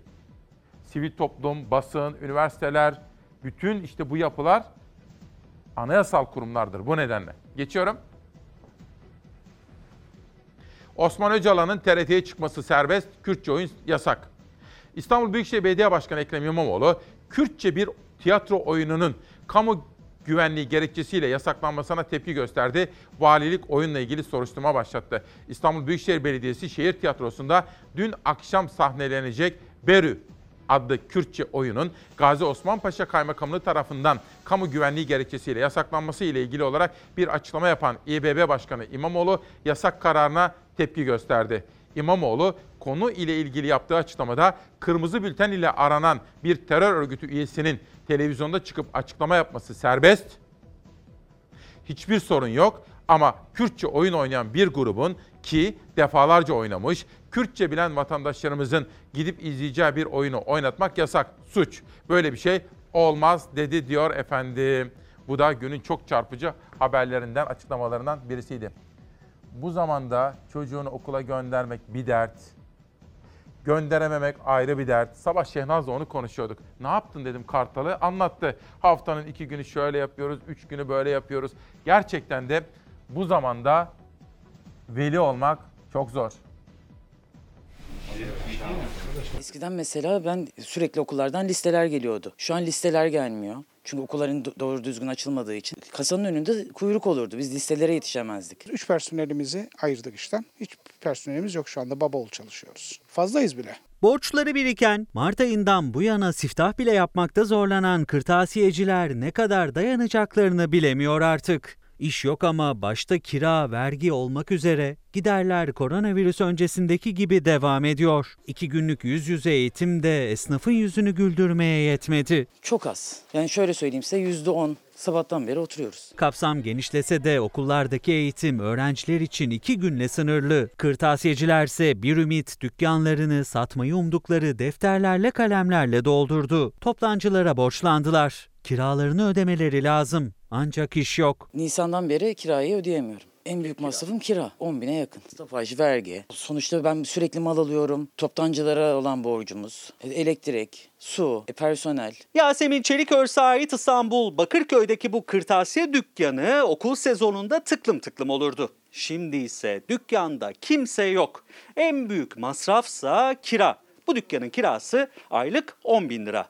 İşlerin kötüye gitmesi nedeniyle Yasemin Çelikörs 7 aylık kirasını ödeyemiyor. Mal sahibi nasıl karşılıyor? Allah'tan anlayışlı. Hani idare ediyor ama ne kadar ida- idare edecek yani? Lütfi Uzun'da etkilenen kırtasiyecilerden eskiden 3 personeliyle işlere yetişmekte zorluk çekerken şimdi ise o 3 personelini işten çıkarıp oğluyla birlikte dükkanda. Kiramız 7 bin lirayı geçiyor stopajı ile birlikte. Faturaların çoğu acısı acısı büyük bekliyor. Asıl mal ödemeleri çok ciddi. Ama devlet kendi alacaklarından hiç fedakarlık yapmıyor. Stopajımızı almamazlık etmiyor. Bunları vermediğiniz zaman günlük faizlerini işletiyor. Okullar kısıtlı da olsa açılınca işler biraz canlanır diye düşündü kırtasiyeciler ama tam da bu dönemde son senelerde olduğu gibi zincir marketlere yenik düştüler. Kepenk kapatmamak için destek bekliyorlar. Büyük e, alışveriş merkezlerinde, marketlerde zihniyeti ben çözemedim. Her sektöre atlamalarının mantığını alamıyorum. Yani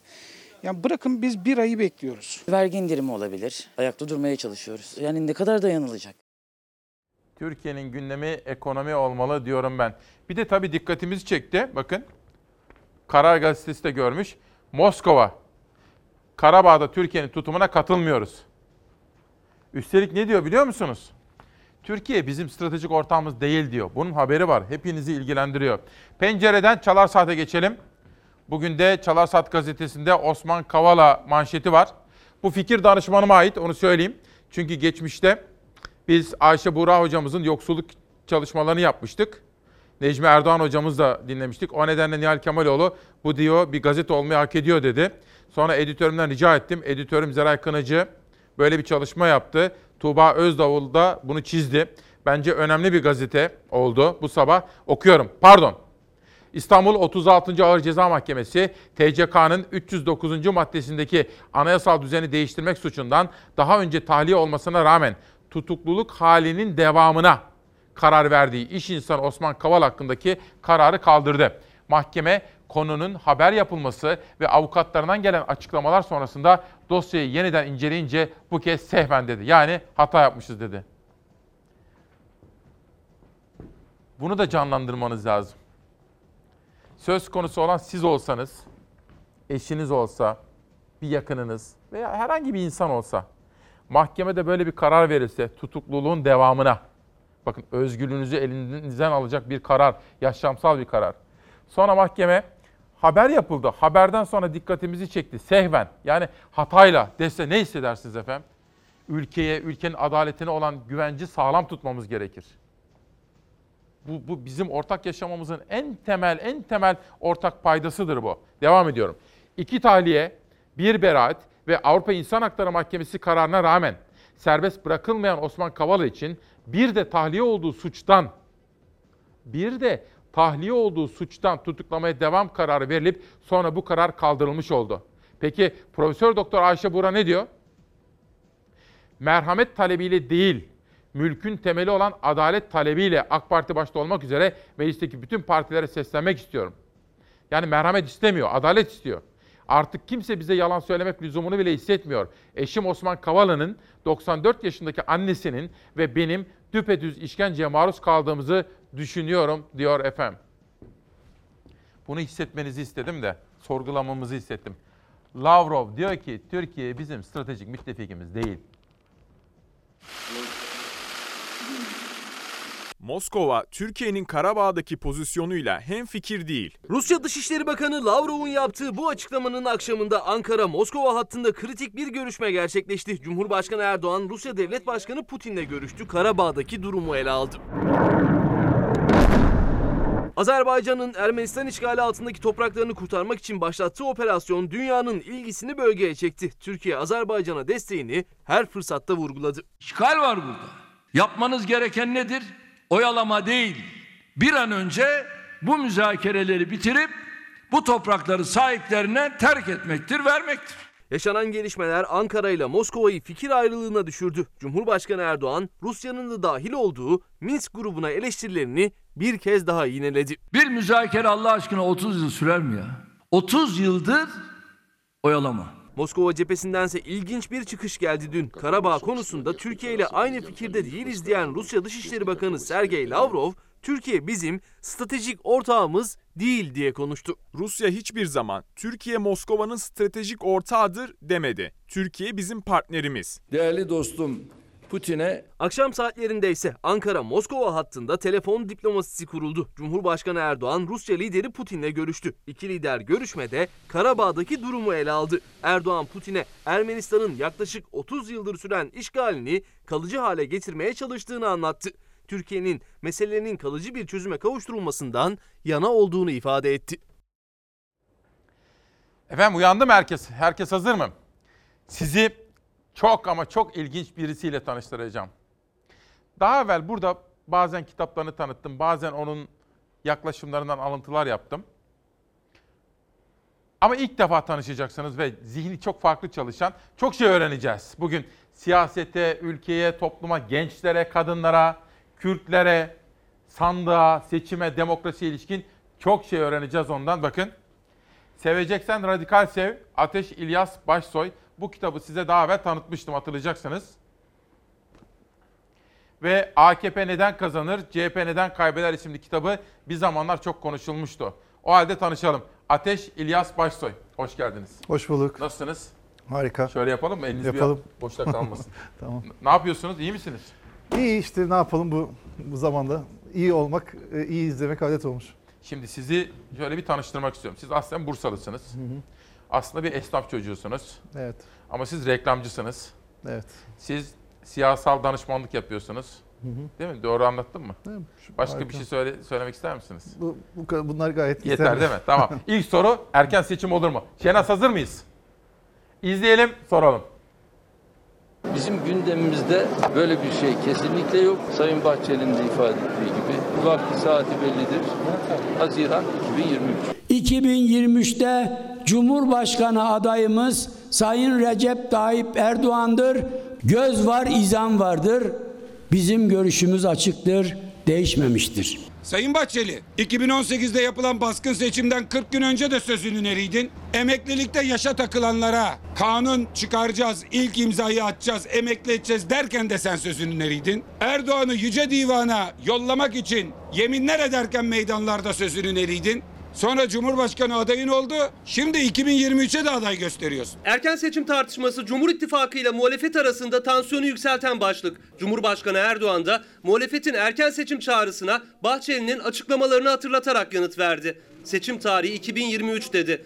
MHP lideri Bahçeli'nin özellikle Kılıçdaroğlu'nu hedef alan sözlerine ise CHP'li Özgür Özel'den yanıt geldi. Bütün AK Partilileri Halice bastırıp eldeki bütün deterjanları döküp yıkamak için namus şeref sözü verirken de sözünün eriydi. Biz erken seçim talebini söyleyenden daha çok söyletenleri yani sahibinin sesini ve kimliğini merak ediyoruz. Bizimkiler sahaya gittiğinde getirdikleri bilgi milletin seçim istediği yönünde. Sıtkı sıyrıldı. Sizin desteklediğiniz sar- saray hükümetinden. Sıtkı sıyrıldı. Çocuksu şeyler bunlar. Daha hala siyaseti anlamadılar. Özel, Bahçeli'ye seçimi millet istiyor diye seslendi. Ekonomideki tabloyu, işsizliği, dış borcu örnek gösterdi. Cumhurbaşkanı Erdoğan ise erken seçim kabile devleti işidir dedi. Dünyada gelişmiş ülkelere bakın. İlan edilen tarihin dışında hiç erken seçim, şu bu dedikodusu duyar mısınız? Bu kabile devletlerinin işidir. Millet istediği için seçim istiyoruz. Milletin talep ettiği bu seçimden daha fazla kaçamayacaksınız. Karşılıklı açıklamalar sürerken muhalefetin sandık kurusun ısrarı da devam ediyor. Konuğuma soralım. Erken seçim olur mu? Bekliyor muyuz? Yani bu şartlar altında olmaz. Neden? Ee, çünkü olması için bir e, gerekçe yok. Yani böyle bu yani muhalefet ister e, doğal olarak. Muhalefetin görevi bu ama e, iktidar kendi adına bir şey görmedikçe yani zaten bu pandemi durumunda ekonomide bu kadar e, sorunlar varken erken seçime girmezler. Ben de Ama öyle düşünüyorum. Bilmediğimiz Bütün bir şey haber olursa- kaynaklarımla konuştuğum zaman AK Evet. Partililer de dahil olmak üzere Hı hı. diyorlar ki Cumhurbaşkanı Erdoğan böyle bir şey yapmaz. Neden? Çünkü 2023'e kadar elinde yetkisi var. Evet. Erdoğan nasıl birisi? Lider, siyasal lider olarak. Yani e, ba- şey e, Toplumla kurduğu bağ anlamında soruyorum. Hı hı. Mesela Türkiye toplumuna baktığım zaman Erdoğan için bir çok sevenler var. A- Adeta aşk var. Bir tarafta da çok sevmeyenler var. Adeta nefret var. Aslında bütün liderler toplumun e, içinden e, içindeki bir takım böyle bir temel duygular var. Yani sevgi, kıskançlık, öfke falan böyle bu bunlar insanlığın temel duyguları. E, o duyguların birleştiği yerleri iyi okuyan kişiler lider oluyor ve onlar yükseliyor. Sadece kişiler değil, yani sadece siyasi lider anlamında değil. E, bir şarkıcı da eğer bunları okuyabiliyorsa veya ona denk geliyorsa onun yetenekleri lider oluyor.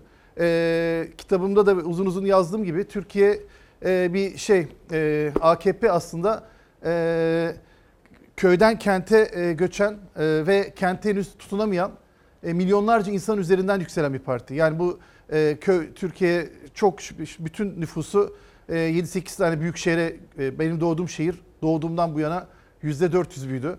E, böyle mesela Bursa. Alm- evet e, Almanya aynı dönemde Berlin e, %9 büyümüş. Yani e, Berlin %50 büyüseydi herhalde bambaşka bir yer olurdu.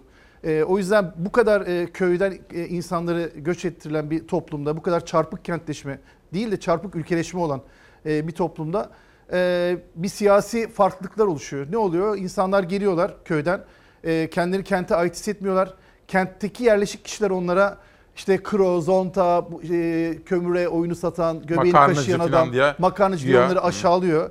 Ee, bu, bu arada, Yanlış. Evet bu arada kro Yanlış. çok güzel bir Kürtçe sözcüktür. Kürt anneler e, çocuklarına söylerler. Ama Kro. Türkiye'de kro sözü de yani batıda bizim gibi insanlar için sanki Abi hakaret gibi.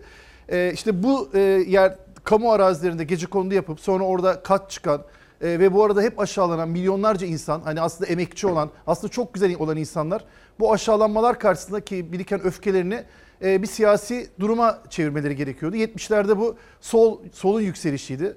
E, Ecevit'in veya 70'lerdeki Bir devrimci dakika, bir dakika, bir dakika. Şimdi siyasal bilgiler tarihine girmeyeceğiz. Bekle bir dakika. Sevgili Türkan bir bilgi vereceğim. Az evvel ben Ateş İlyas Başsoy'a şunu sormuştum. Cumhurbaşkanı Erdoğan aynı zamanda Adalet Kalkınma Partisi lideri ya. Çok özel bir siyasal kimlikten bahsediyoruz aslında. Şimdi kendisinin bu kitaplarında ve diğer yazılarında hep şunu rastlıyorum ben. Erdoğan seçimde nasıl yenilir? Yani Erdoğan'ı kim nasıl yener? Şöyle bir tezi var. Onu oraya gelmek istiyordum da. Diyor ki Erdoğan'ı seçimde yenmek mi istiyorsun?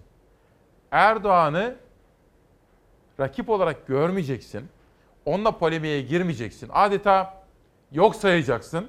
Ama Erdoğan'ı sevenlerle sahih sahici ilişki kuracaksın. Doğru özetledin mi? Evet çünkü Erdoğan'ı seven insanlar aslında e, yani bir ötekileştirdiğimiz zaman Erdoğan'a hakaret edildiği zaman o milyonlarca insan kendileri de alınıyorlar ve üzülüyorlar. Buna hiç gerek yok. Yani e, konuşmaya Erdoğan şudur Erdoğan budur diye başlamaya gerek yok. Çünkü e, AKP'lilerin hepsi de bu ülkenin insanı. Biz Türkiye'de 10 yıldır 20 yıldır gitgide her sözümüz hangi kalıba hangi köye girer diye korkarak konuşuyoruz.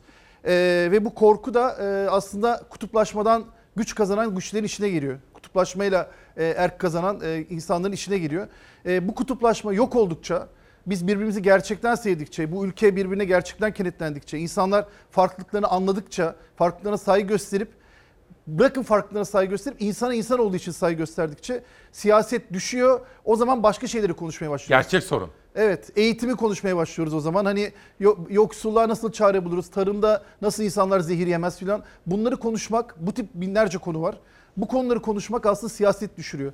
O yüzden e, Erdoğan benim hiçbir zaman e, hedefimde veya e, şeyimde bir insan olmadı. Kendi çapında da çok başarılı olduğunu görüyorum. Kendi dünyasında Siyaseten. siyaseten de çok başarılı olduğunu görüyorum.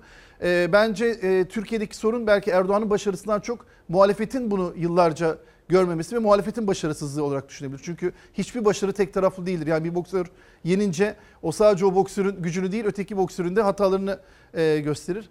O nedenle ben e, kitabımda da hani radikal sevgi kelimesi de zaten bu. E, bundan kaynaklanıyor. E, şu an CHP'lileri sevmemeye kodlanmış veya CHP'liler de AKP'lileri sevmemeye kodlanmışken e, gelin hep beraber birbirimizi sevmeye çalışalım. Yani birbirimizi sevmiyoruz ama neden sevmediğimizi düşünelim. Çünkü işte az önce gördük şeyde e, hastanedeki e, kadıncağızı AKP'li mi, MHP'li mi, İyi Partili mi, HDP'li Fark mi? eder mi? Hiç fark etmez. Mesela bir şey Hasta soracağım. olunca hepimiz hastayız. Mesela ben EYT'liyim. Benim AKP'li, CHP'li, MHP'li, İyi Partili, HDP'li olmam Hiç böyle bir şey yok. benim meselem. O kadar İşsizim. çok tabii o kadar çok ortak derdimiz, ortak mutluluğumuz var. Yani ben e, bir e, GSM şebekesinde çalıştım adını söylemeyeyim. E, ve bütün e, şeyi gezdim. e, Orta Doğu, Balkanlar filan. E, o kadar çok bizim bölgede bile benzerliğimiz var. Biz, her yerde darbuka var. Her yerde kız çocukları düğünde masaya çıkartılıyor. 2 yaşında kız çocukları daha oynatılıyor. Ya bırakın Türkiye'yi biz e, Orta Doğu'da, Balkanlar'da, Kafkaslar'da şu an Azerbaycan, Ermenistan bir sorunlar var. O bölgelerin tamamında aslında büyük bir kardeşlik coğrafyası Bir kurabiliriz. soru. Bütün bunları mesela en son yerel seçimler bağlamında irdelersek. Mesela Ekrem İmamoğlu nasıl kazandı? Ya da Mansur Yavaş nasıl kazandı? Ee, o Bu bağlamda. Evet. O, şimdi o, izleyiciler e, belki bilmiyordur. Çok televizyona çıkmadığım için okurlar diyecektim. E, o kampanyaların da kampanyanın başkanı bendim zaten. Bütün seçim kampanyaları. İmamoğlu. İmamoğlu ve bütün Türkiye. Yani her bütün Hepsinin mi? Evet, evet. Bütün CHP CHP'nin yerel yönetim seçim kampanyasını ben yürüttüm. E, ama bu ben yürüttüm deyince bu ben yaptım demek e, olmaz. Bu hem yanlış bir ifade olur hem de çok büyük, bir kibir olur. Milyonlar var Tabii orada yani. milyonlarca Ha, insanın AK Parti'de de milyonlar var. Tabii Burada da milyonlar milyon. var. Milyonlarca akıllı insanın. E, şimdi ben orada bir parçayım yani. Bana da öyle bir görev verildi sadece.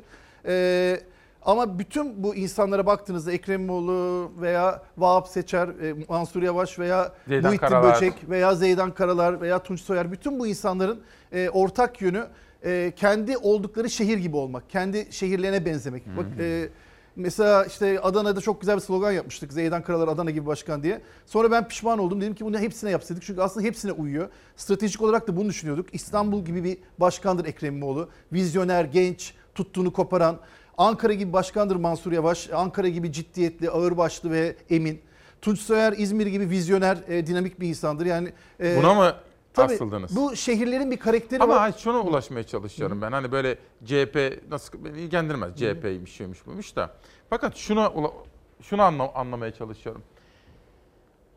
Bir kişi AK Parti gibi güçlü bir siyasal iktidarda, Erdoğan gibi güçlü bir siyasal figür başında varken seçimi nasıl kazanır? Yani bence bunu anlamamız gerekiyor. Şöyle, mesela İmamoğlu İstanbul'da AK Partililerden, MHP'lilerden oy almadan seçim kazanamazsın. İmkansız hepsinden alınır. Ama insanlar sadece AKP'li değildir ki aynı zamanda öğretmendir.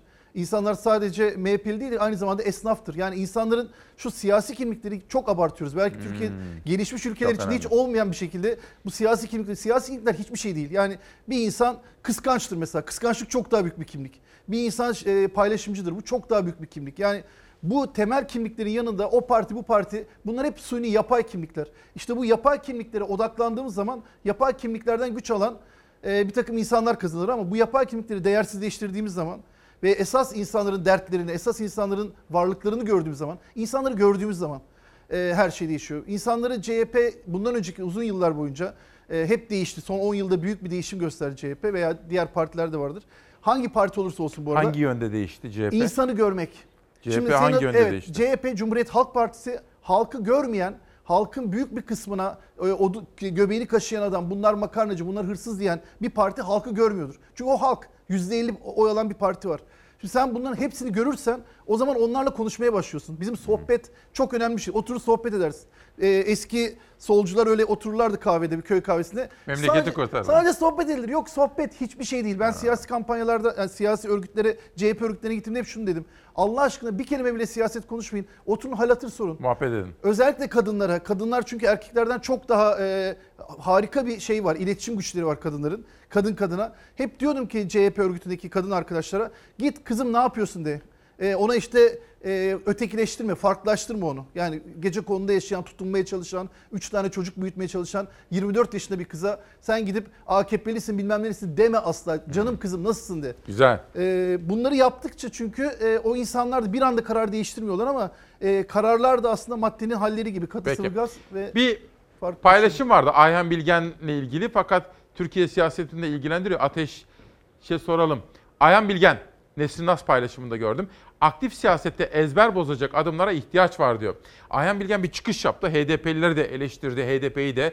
Dedi ki daha iyi günlere ülkemiz adına ulaşmak için HDP'nin de öz eleştiri yapması gerekiyor diyor. Sadece HDP üzerinde sormuyorum. Ezber bozan adımlar. Evet çünkü ezber ezber düşünmemektir. Yani düşünme, düşünmezsin ezberlersin.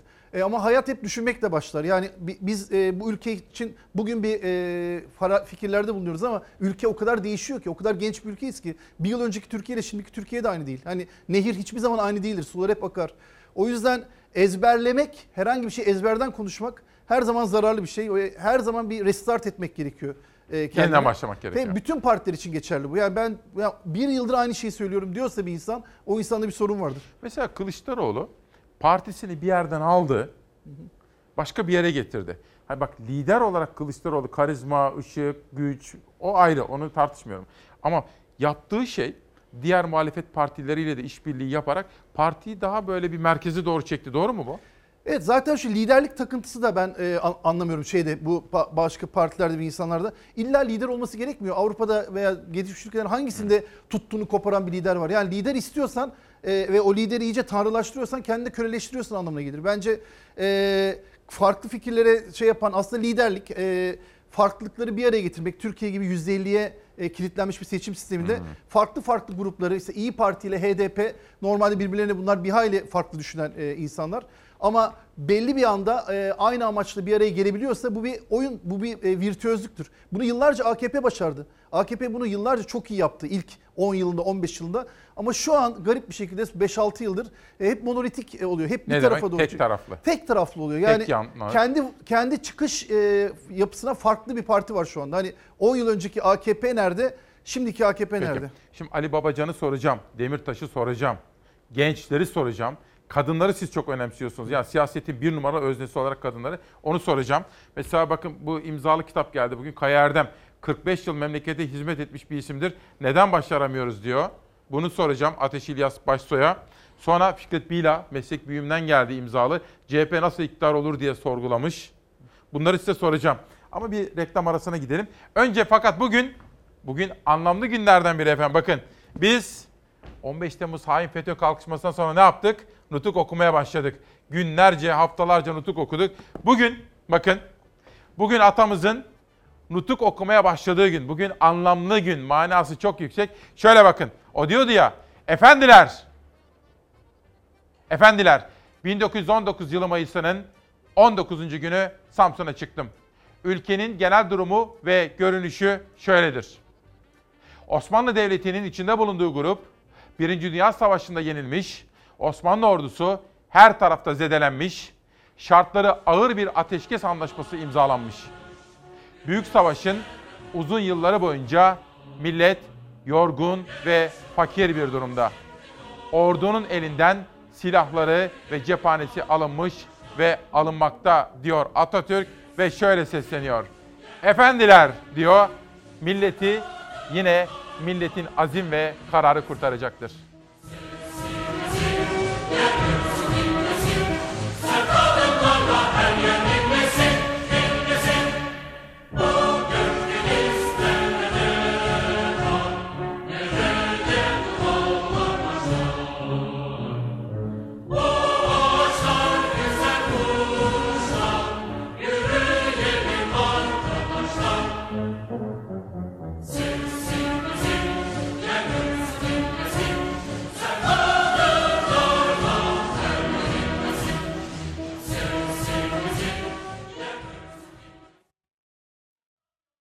Efendim günaydın. 15 Ekim 2020 Perşembe sabahında İsmail Küçükkaya ile Demokrasi Meydanı'nda. Size söylemiştim. Şaşıracağınızı, söylemlerini, analizlerini şaşırarak izleyeceğinizi söylemiştim. Arada gelen mesajlar bize bunu gösteriyor. Ateş İlyas Başsoy. Bir kere daha hoş geldiniz. Teşekkürler. Şimdi çok soru soracağım. Bir soru kadınlarla ilgili soracağım. Kadınlar ve siyaset çünkü sizin bütün bu kitaplarınıza, tezlerinize, yazılarınıza baktığım zaman siyasette kazanmak için kadını, en çok kadınları önemsiyorsunuz. Sonra gençlere geç- geçeceğim. Ama bir dakika. Şu andan itibaren yönetmen koltuğunda Savaş Yıldız var. Savaş bir verir misin pencereyi? Bir pencere açalım. Dün bilim kurulu toplantısından sonra açıklamalar yaptı Sağlık Bakanı Fahrettin Koca. Bu sabah saat 8'den itibaren her kuşakta onun yaptığı açıklamalardan manşetler seçtik. Şimdi bir yeni manşet daha var.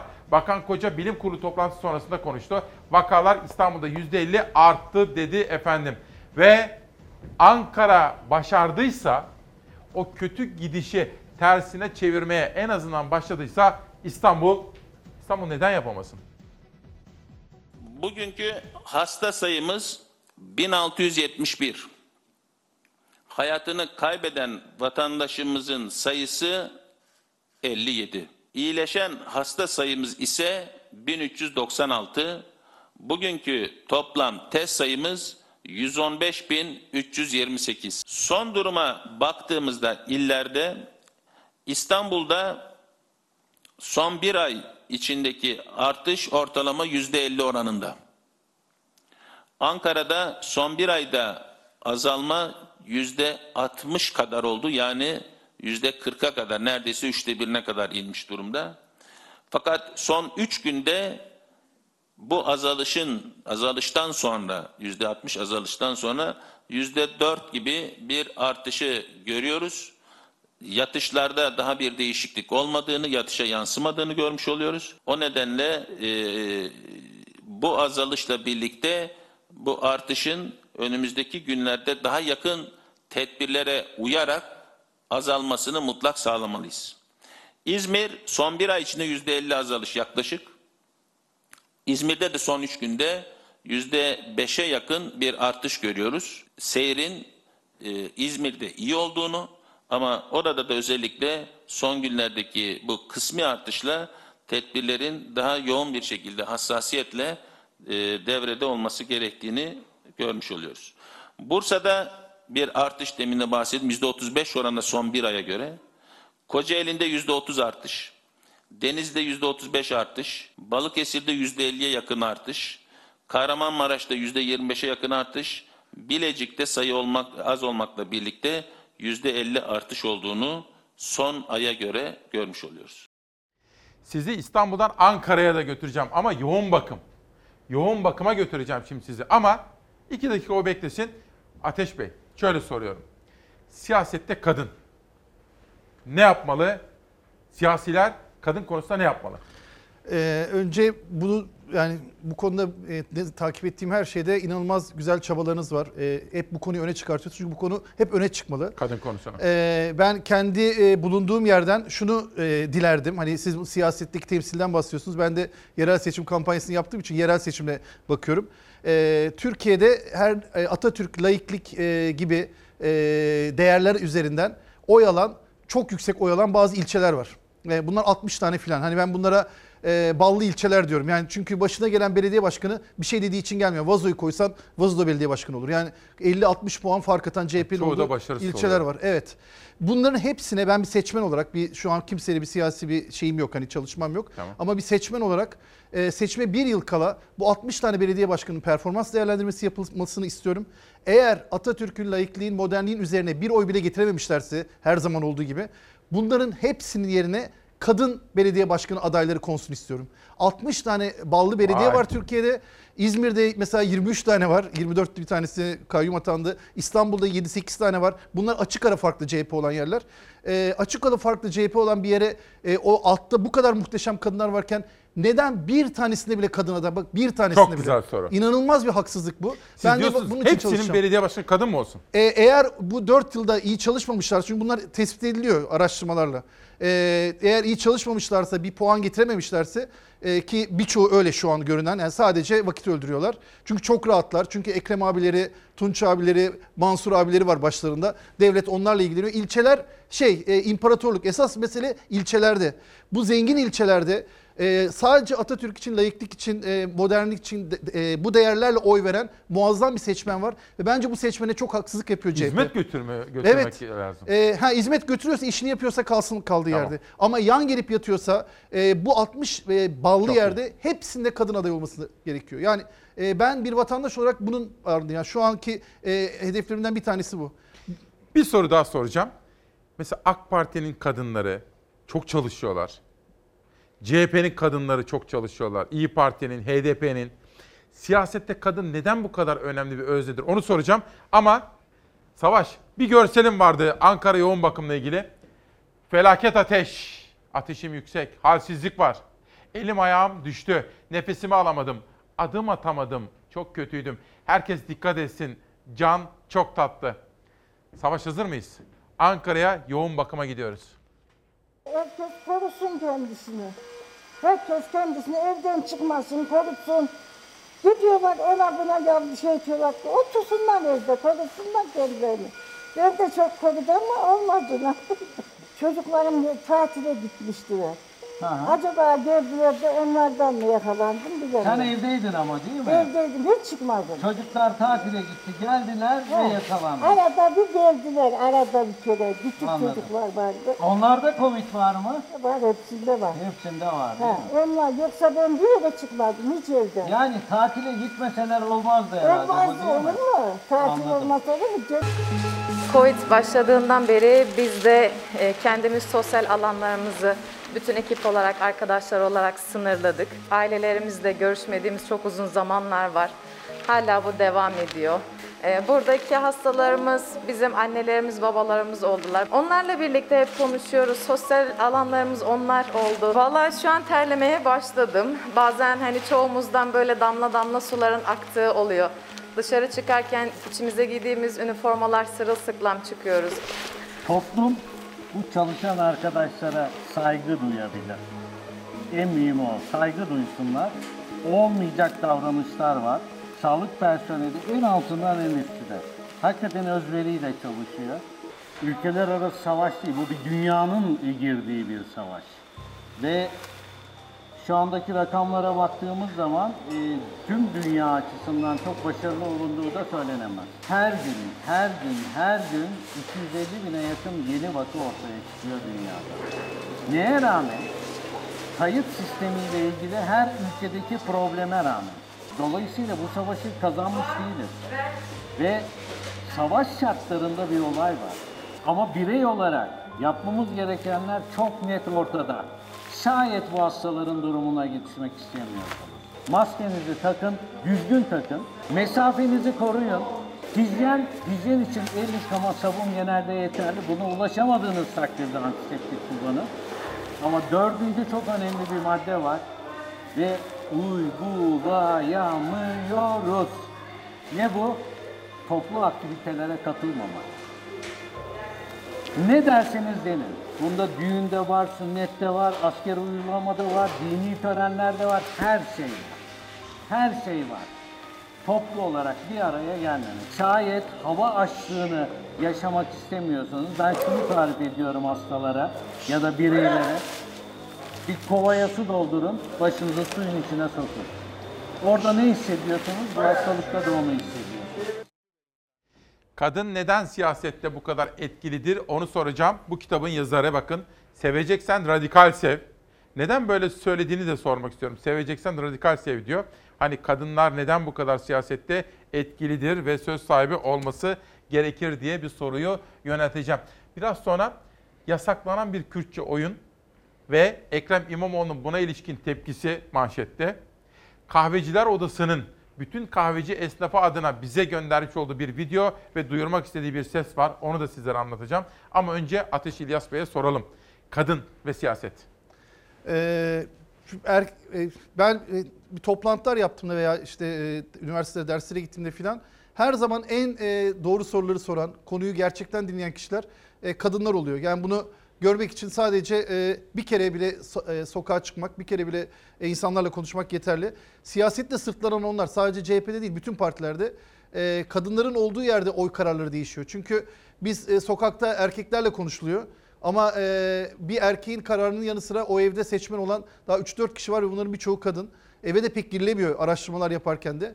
O yüzden e, kadınların olmadığı bir e, şey yani herkes bunu bir hamasi bir laf olarak söylüyor. Kadınlar çok önemlidir, kadınlar bilmem nedir falan diye. Ama maalesef e, hiçbir partide bunun bir e, geçerli görmüyoruz. En üzücüsü 1926'da daha e, hiçbir dünyanın hiçbir ülkesinde kadınlarla ilgili bu kadar e, ileri kararlar çıkmazken Atatürk'ün verdiği kararlarla e, kadınlar olağanüstü haklar kazanmışken Atatürk'ün partisi olduğunu söyleyen CHP'deki durum. Yani en üzücü bu, en geride olan çünkü o. Yani şu an kadınlara e, siyaset temsilinde HDP, AKP, e, CHP'den 2-3 tur öndeler. Her iki partide 2-3 e, şey öndeler. Hem AKP hem de HDP. E, maalesef CHP orada e, hiç e, iyi bir tablo sergileyemiyor. Bu da çok üzücü bir şey. Peki. Ama biraz evvelki önlerinizi tekrar etmek istiyorum. CHP'nin özellikle İstanbul, Ankara, İzmir gibi belli yerlerde mutlaka kazandığını düşündüğü ve şanslı olduğu %70'ler 80'ler olan Tabii, yerlerde diyorsunuz ki kadınlara ön planda yer verilsin diyorsunuz. Evet hani bir kişi bile olmadı. O kadar ilginç ki bu seçimde. Hani 60 puan farklı CHP kazanıyor bir ilçede. Peki oraya neden e, bir erkek koyuyorsun? Hani e, oraya bir kadın koy ki bir kadınların o gittiği eve gitsin. değil- Türkiye değişik bir yüz görsün. E, yani bu bana e, üzücü geldi. Çok seçim boyunca da hiç anlayamadım ben neden böyle olduğunu. Peki. Hala da anlamıyorum. Peki sırada gençler var. Gençlere bir sormak istiyorum. Ama önce efendim biz her sabah esnafın da sesini duymaya ve duyurmaya çalışıyoruz. Kahveci esnafı özellikle pandemi zamanında iyiden iyiye dertlendi. destek paketinde 25 nakit, 25 de kredi kartı verildi. Bunun %50'si esnaf kullandı. Kullanmayan var. Halen kredi bekleyen esnafımız var. Bu arada 8 aydır bizim iş yerlerimiz kapalı. Evimize ekmek parası götüremiyoruz. Kredilerimizin günü geldi. Bir 3 ay ertelediler, 6 ay. Biz bu kredilerimizi ödeyemiyoruz. Perperişanız. Bir an önce bizim kredilerimiz ertelensin. Türkiye Cumhuriyeti'nde esnaf ve zanaatkarı sahibi devlettir. Devlet baba esnaf ve zanaatkarı koruyucu, kollayıcı tedbirler alır. Ama ne yazık ki bu pandemi sürecinde esnaf ve zanaatkar ne korundu ne tedbir alındı. Anayasanın 173. maddesini çalıştırmadılar, ihal ettiler. Anayasanın 173. maddesi diyor ki esnaf ve zanaatkar korunur ve kullanılır. Ne yazık 8 aydır kahveci esnafı evine ekmek parası götüremiyor. İş yerlerimiz açık. Tavla, okey oyunları olmadığı için iş yapamıyor. Mal sahipleri tahliye açıyor. Mal sahiplerine anahtarlarımızı teslim ediyoruz. Kahveci esnafı her geçen gün iş yerleri kapanıyor. Perperişan. Buradan Sayın Sağlık Bakanı'na, Sayın Bilim Kurulu'na, Sayın İçişler Bakanı'na ve Sayın Cumhurbaşkanımıza ve tüm siyasi parti genel başkanlarına sesleniyorum.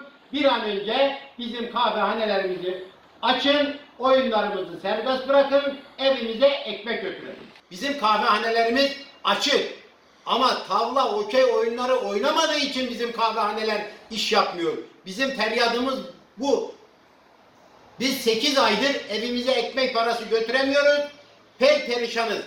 Sayın Kemal Kılıçdaroğlu bizim sesimiz oldu diye bir siyasi parti genel başkanına da yüklenmenin hiçbir anlamı yok.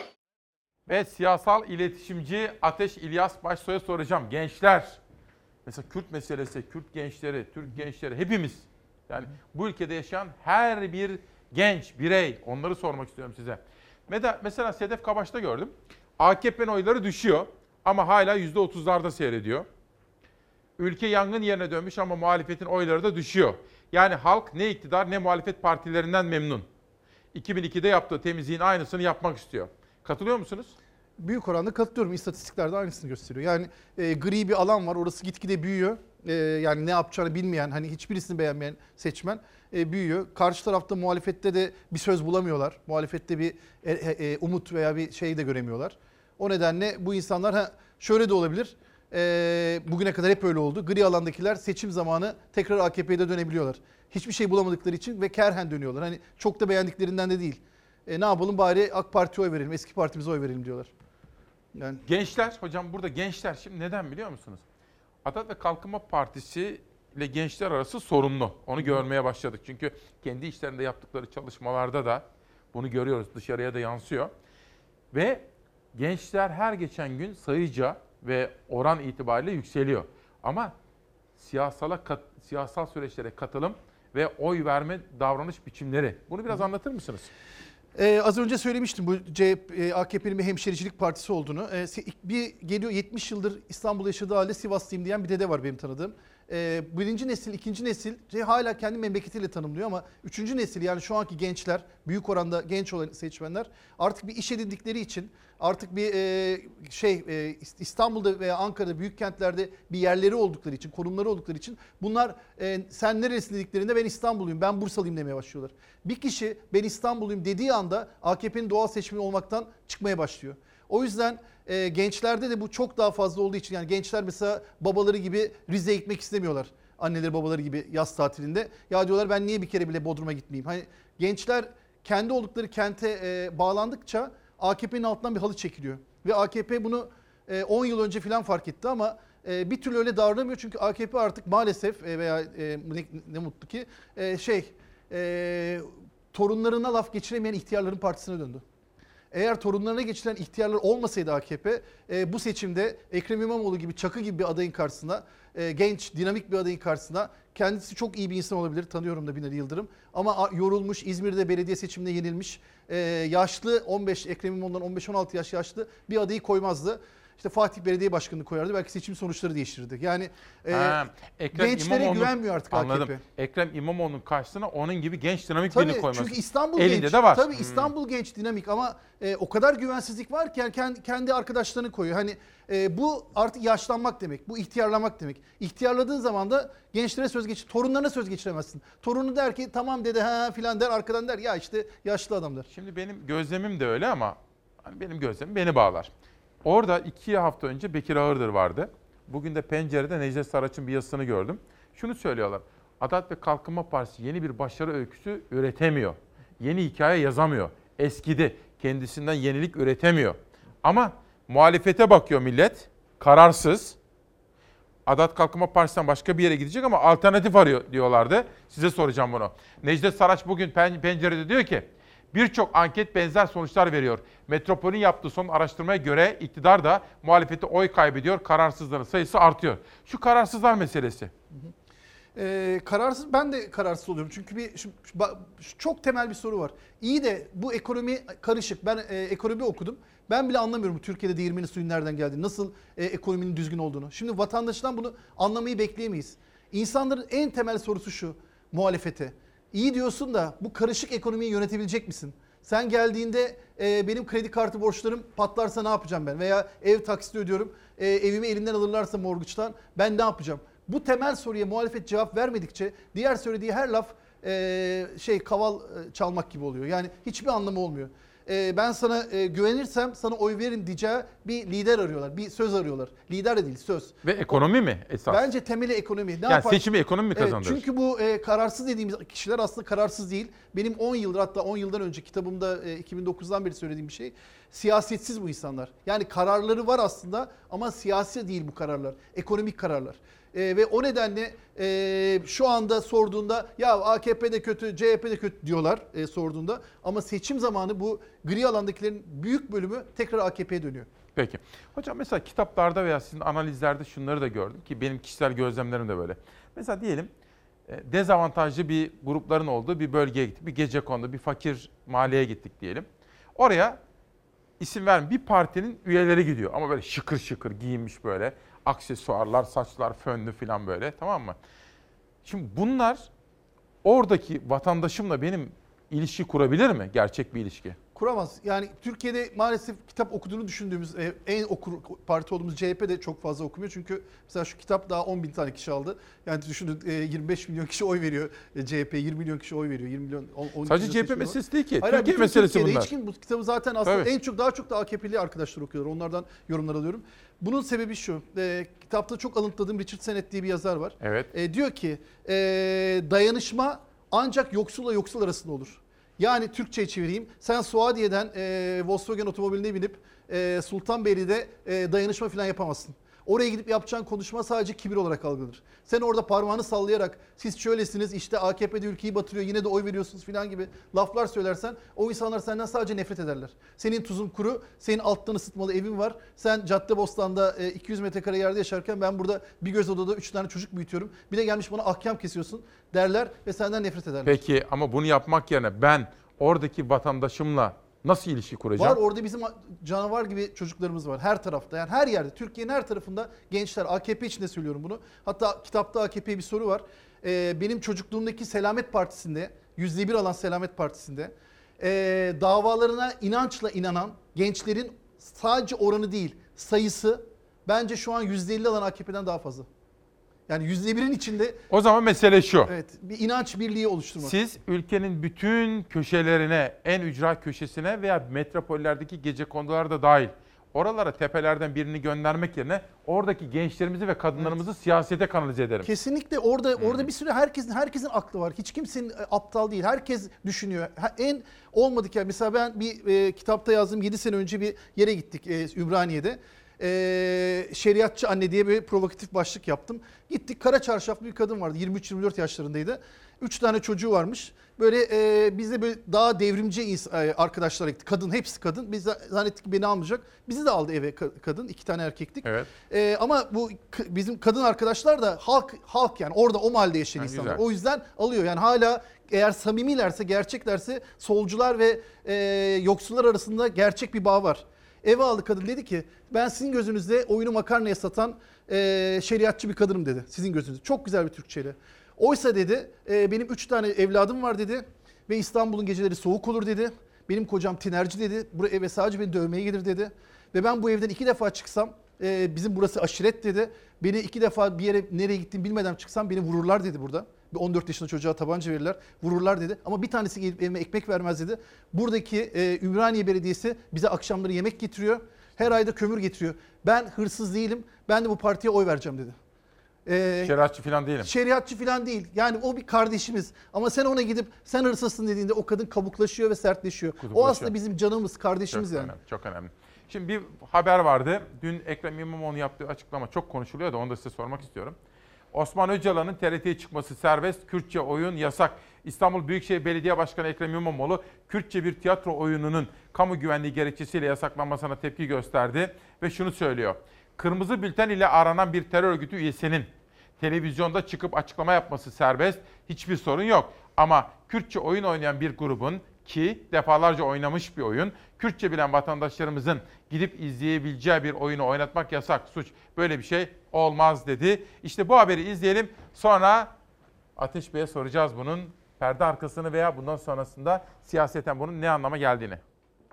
Kırmızı bültenle aranan bir terör örgütü üyesinin televizyonda çıkıp açıklama yapması serbest, hiçbir sorun yok.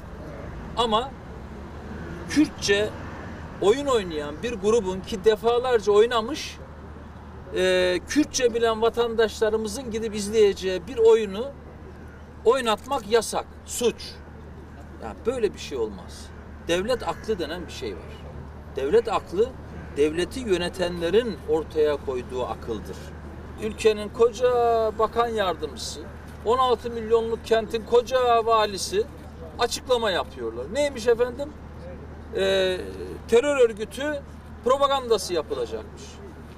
Ya bu arkadaşlar bu oyunu e, 20-30 kez oynadılar. Yani Türkiye'nin İstanbul'un muhtelif noktalarında 20-30 kez oynadılar. Neredeydiniz? Bugüne kadar neredeydiniz yani? Bu, bu eğer bir terör suçu varsa, terör örgütü suçu varsa bu işe müdahale edecek olan sizsiniz. Kolluk gücü, idari görevliler sizin elinizde. Yani şimdi akıl mı okuyorsunuz? Tahminde mi bulunuyorsunuz? Ne yapıyorsunuz yani? Soruşturma açılacakmış. Yani inanın tiyatro deyimiyle hani bu kadar komik bir bahanenin son perdesi. Başka bir şey daha söyleyeyim. Aynı oyun devlet tiyatroları tarafından oynanmış. Aynı oyun. Devlet tiyatroları e, tarafından oynanmış bir oyun bu 2014 yılında. Bu oyun Kürtçe olarak aynı o e, grup tarafından en az 20-30 kez oynanmış. Ya böyle bir şey olamaz yani.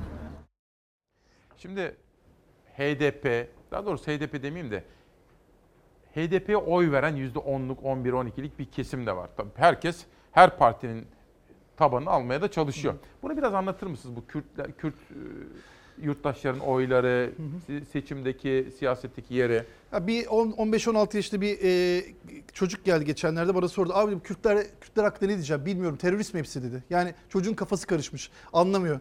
E, o kadar kafa karışıklığı oldu ki ben hep şunu söylüyorum. Şimdi e, Tayyip Erdoğan haklı olarak diyor ki ben %50 alıyorum. Bu benim e, itibar görmemi gerektirir. Çok doğru bir laf. Çünkü Türkiye'de 100 kişi varsa 50 kişi eğer Tayyip Erdoğan'a veriyorsa itibar görmeli. E, HDP'de 13 aldı. Yani o 50 kişi e, çok e, önemli de 13 kişi hiçbir önemi yok mu? Yani e, veya CHP'de 25 alıyor. Bunların hiç önemi yok mu? Veya İyi Parti bunların hepsi e, oy temsili olan kişiler, oy temsili olan düşünceler, oy temsili olan partiler. Yani burada bu işi e, iyice ölçüsü kaçtı ve e, şeydir bu e, iletişimde alttan kavga olan toplumlarda o kavga sürekli zorlar. Çocukları cinsel sorunlarla kavga ettirirsin. Ülkenin içinde etnik sorunlarla kavga ettirirsin. Alttaki kavgaya odaklanan ülkeler üstteki vizyonu göremezler. Üstte halbuki büyük vizyonlar var. Hani dünyada küresel ısınma oluyor. Dünyada işte uzay teknoloji oluyor. Yeni bir gen teknolojileri oluyor filan. Biz bunları zerre konuşmuyoruz. Gidin şu an yan komşumuz Yunanistan'a, ekonomik olarak sıkıntılı olan Yunanistan'a. Böyle bir haber programda dahi insanların çoğu bilimsel gelişmeleri veya değişiklikleri konuşuyor o kadar çok siyasete anlamsız yere boğuluyor ki bu 80'lerde, 90'larda, 2000'lerde işe yaramış bir şey olabilir. Artık 2020'lere geldik. Yeni bir 10 yılın içerisindeyiz. Umarım bu saçmalıklar bırakılır artık. Yani bu olmadık konular. Türkiye'de %13 oy alan bir Kürt temsili var. Türkiye'nin beşte biri Kürtlerde. Ve bu konuda çok hoyrat bir dil kullanıyoruz. Hani Alevilikte bir söz vardır ya eline diline beline sahip ol diye. E, beline veya eline sahip olmalısını geçtim insanların. En azından bari dilimize sahip olalım. Bu kadar aşağılayan, bu kadar karşılıklı olarak tek taraflı söylemiyorum. Birbirine karşı bu kadar sert diller kullanan bir şey 15-16 yaşında gençlerin e, kafasını karıştırıyor, kafasını bozuyor. Ee, ve insanlar ne diyeceğini şaşırıyor. Herkes sürekli mahalledeki o bıçkın tesbih sallayan, adam bıçaklayan insan tipi gibi bir insan değil Türkiye. Bir yandan da bilgisayarın başında dersini çalışan yüzlerce çocuğumuz var. Ee, güzel güzel işine giden, e, işte Bismillah diye e, esnaf dükkanının kapısını açan milyonlarca esnafımız var. E, ağzından bir tane kötü söz çıkmayan binlerce, yüz binlerce AKP seçmeni veya MHP seçmeni insan var. Hep karikatür, hep öne çıkan kötülükler, hep cinayetler, hep e, şiddetli konuşmalar. Kim ne söylerse, e, kim ne kadar kötü laf söylerse o kadar öne çıktığı bir sistem çok garip. Mesela Ekrem İmamoğlu'yu çıkarttınız az önce. Ekrem İmamoğlu'yu ben dün takip ettim. E, dün bir sürü konuşma yaptı. E, yeni yapılan e, yol, e, su e, hatlarıyla ilgili bir şey söyledi. E, depremle ilgili, e, önceliklerle ilgili bir, bir sürü şey söyledi. Yani yapılan yatırımlarla ilgili bir sürü laf söyledi. Ama bu konuyla ilgili konuşması e, öne çıkartılıyor e, bir medya tarafından. Yani o yüzden de cevap hakkı doğuyor. Şöyle sorayım mı? Bu arada bir anons yapacağım da yönetmenim de beni uyarıyor. Sevgili izleyenlerim sizlere söz verdim. Kadir Şeker davası. O haber biraz geç geldi elimize. Onu geçiyordu saat. Onu yarına aktarayım size izin verirseniz. Çünkü konuğuma daha sormak istediğim sorular var. Gar katliamı söz verdim. O davaya ilişkin haber bitti. Ama onu da yarına söz vereyim. Savaş onları not alın da yarın aktaralım. Bugün birazcık daha dinlemek istiyorum. Soru şu. Ben bir yurttaşım. Tamam Ülkemin gidişatı konusunda kaygılarım da var. Veya umutluyum. Ne yapmalıyım? Soru bu. Vatandaş ne yapacak? Ee, önce düşünmeli. Şu düşünme kelimesi Türkçe'de şey dünyada düşünme think tank e, kuruluşları var. Dünyada düşünmek o kadar önemli bir konu ki e, düşünmeden yapılan her iş karanlıkta yapılan koşudur. Biz pek düşünmüyoruz. Bize düşünen insanlarla alay edilir. Yani böyle ya boş boş düşünüyor ne yapıyor filan derler.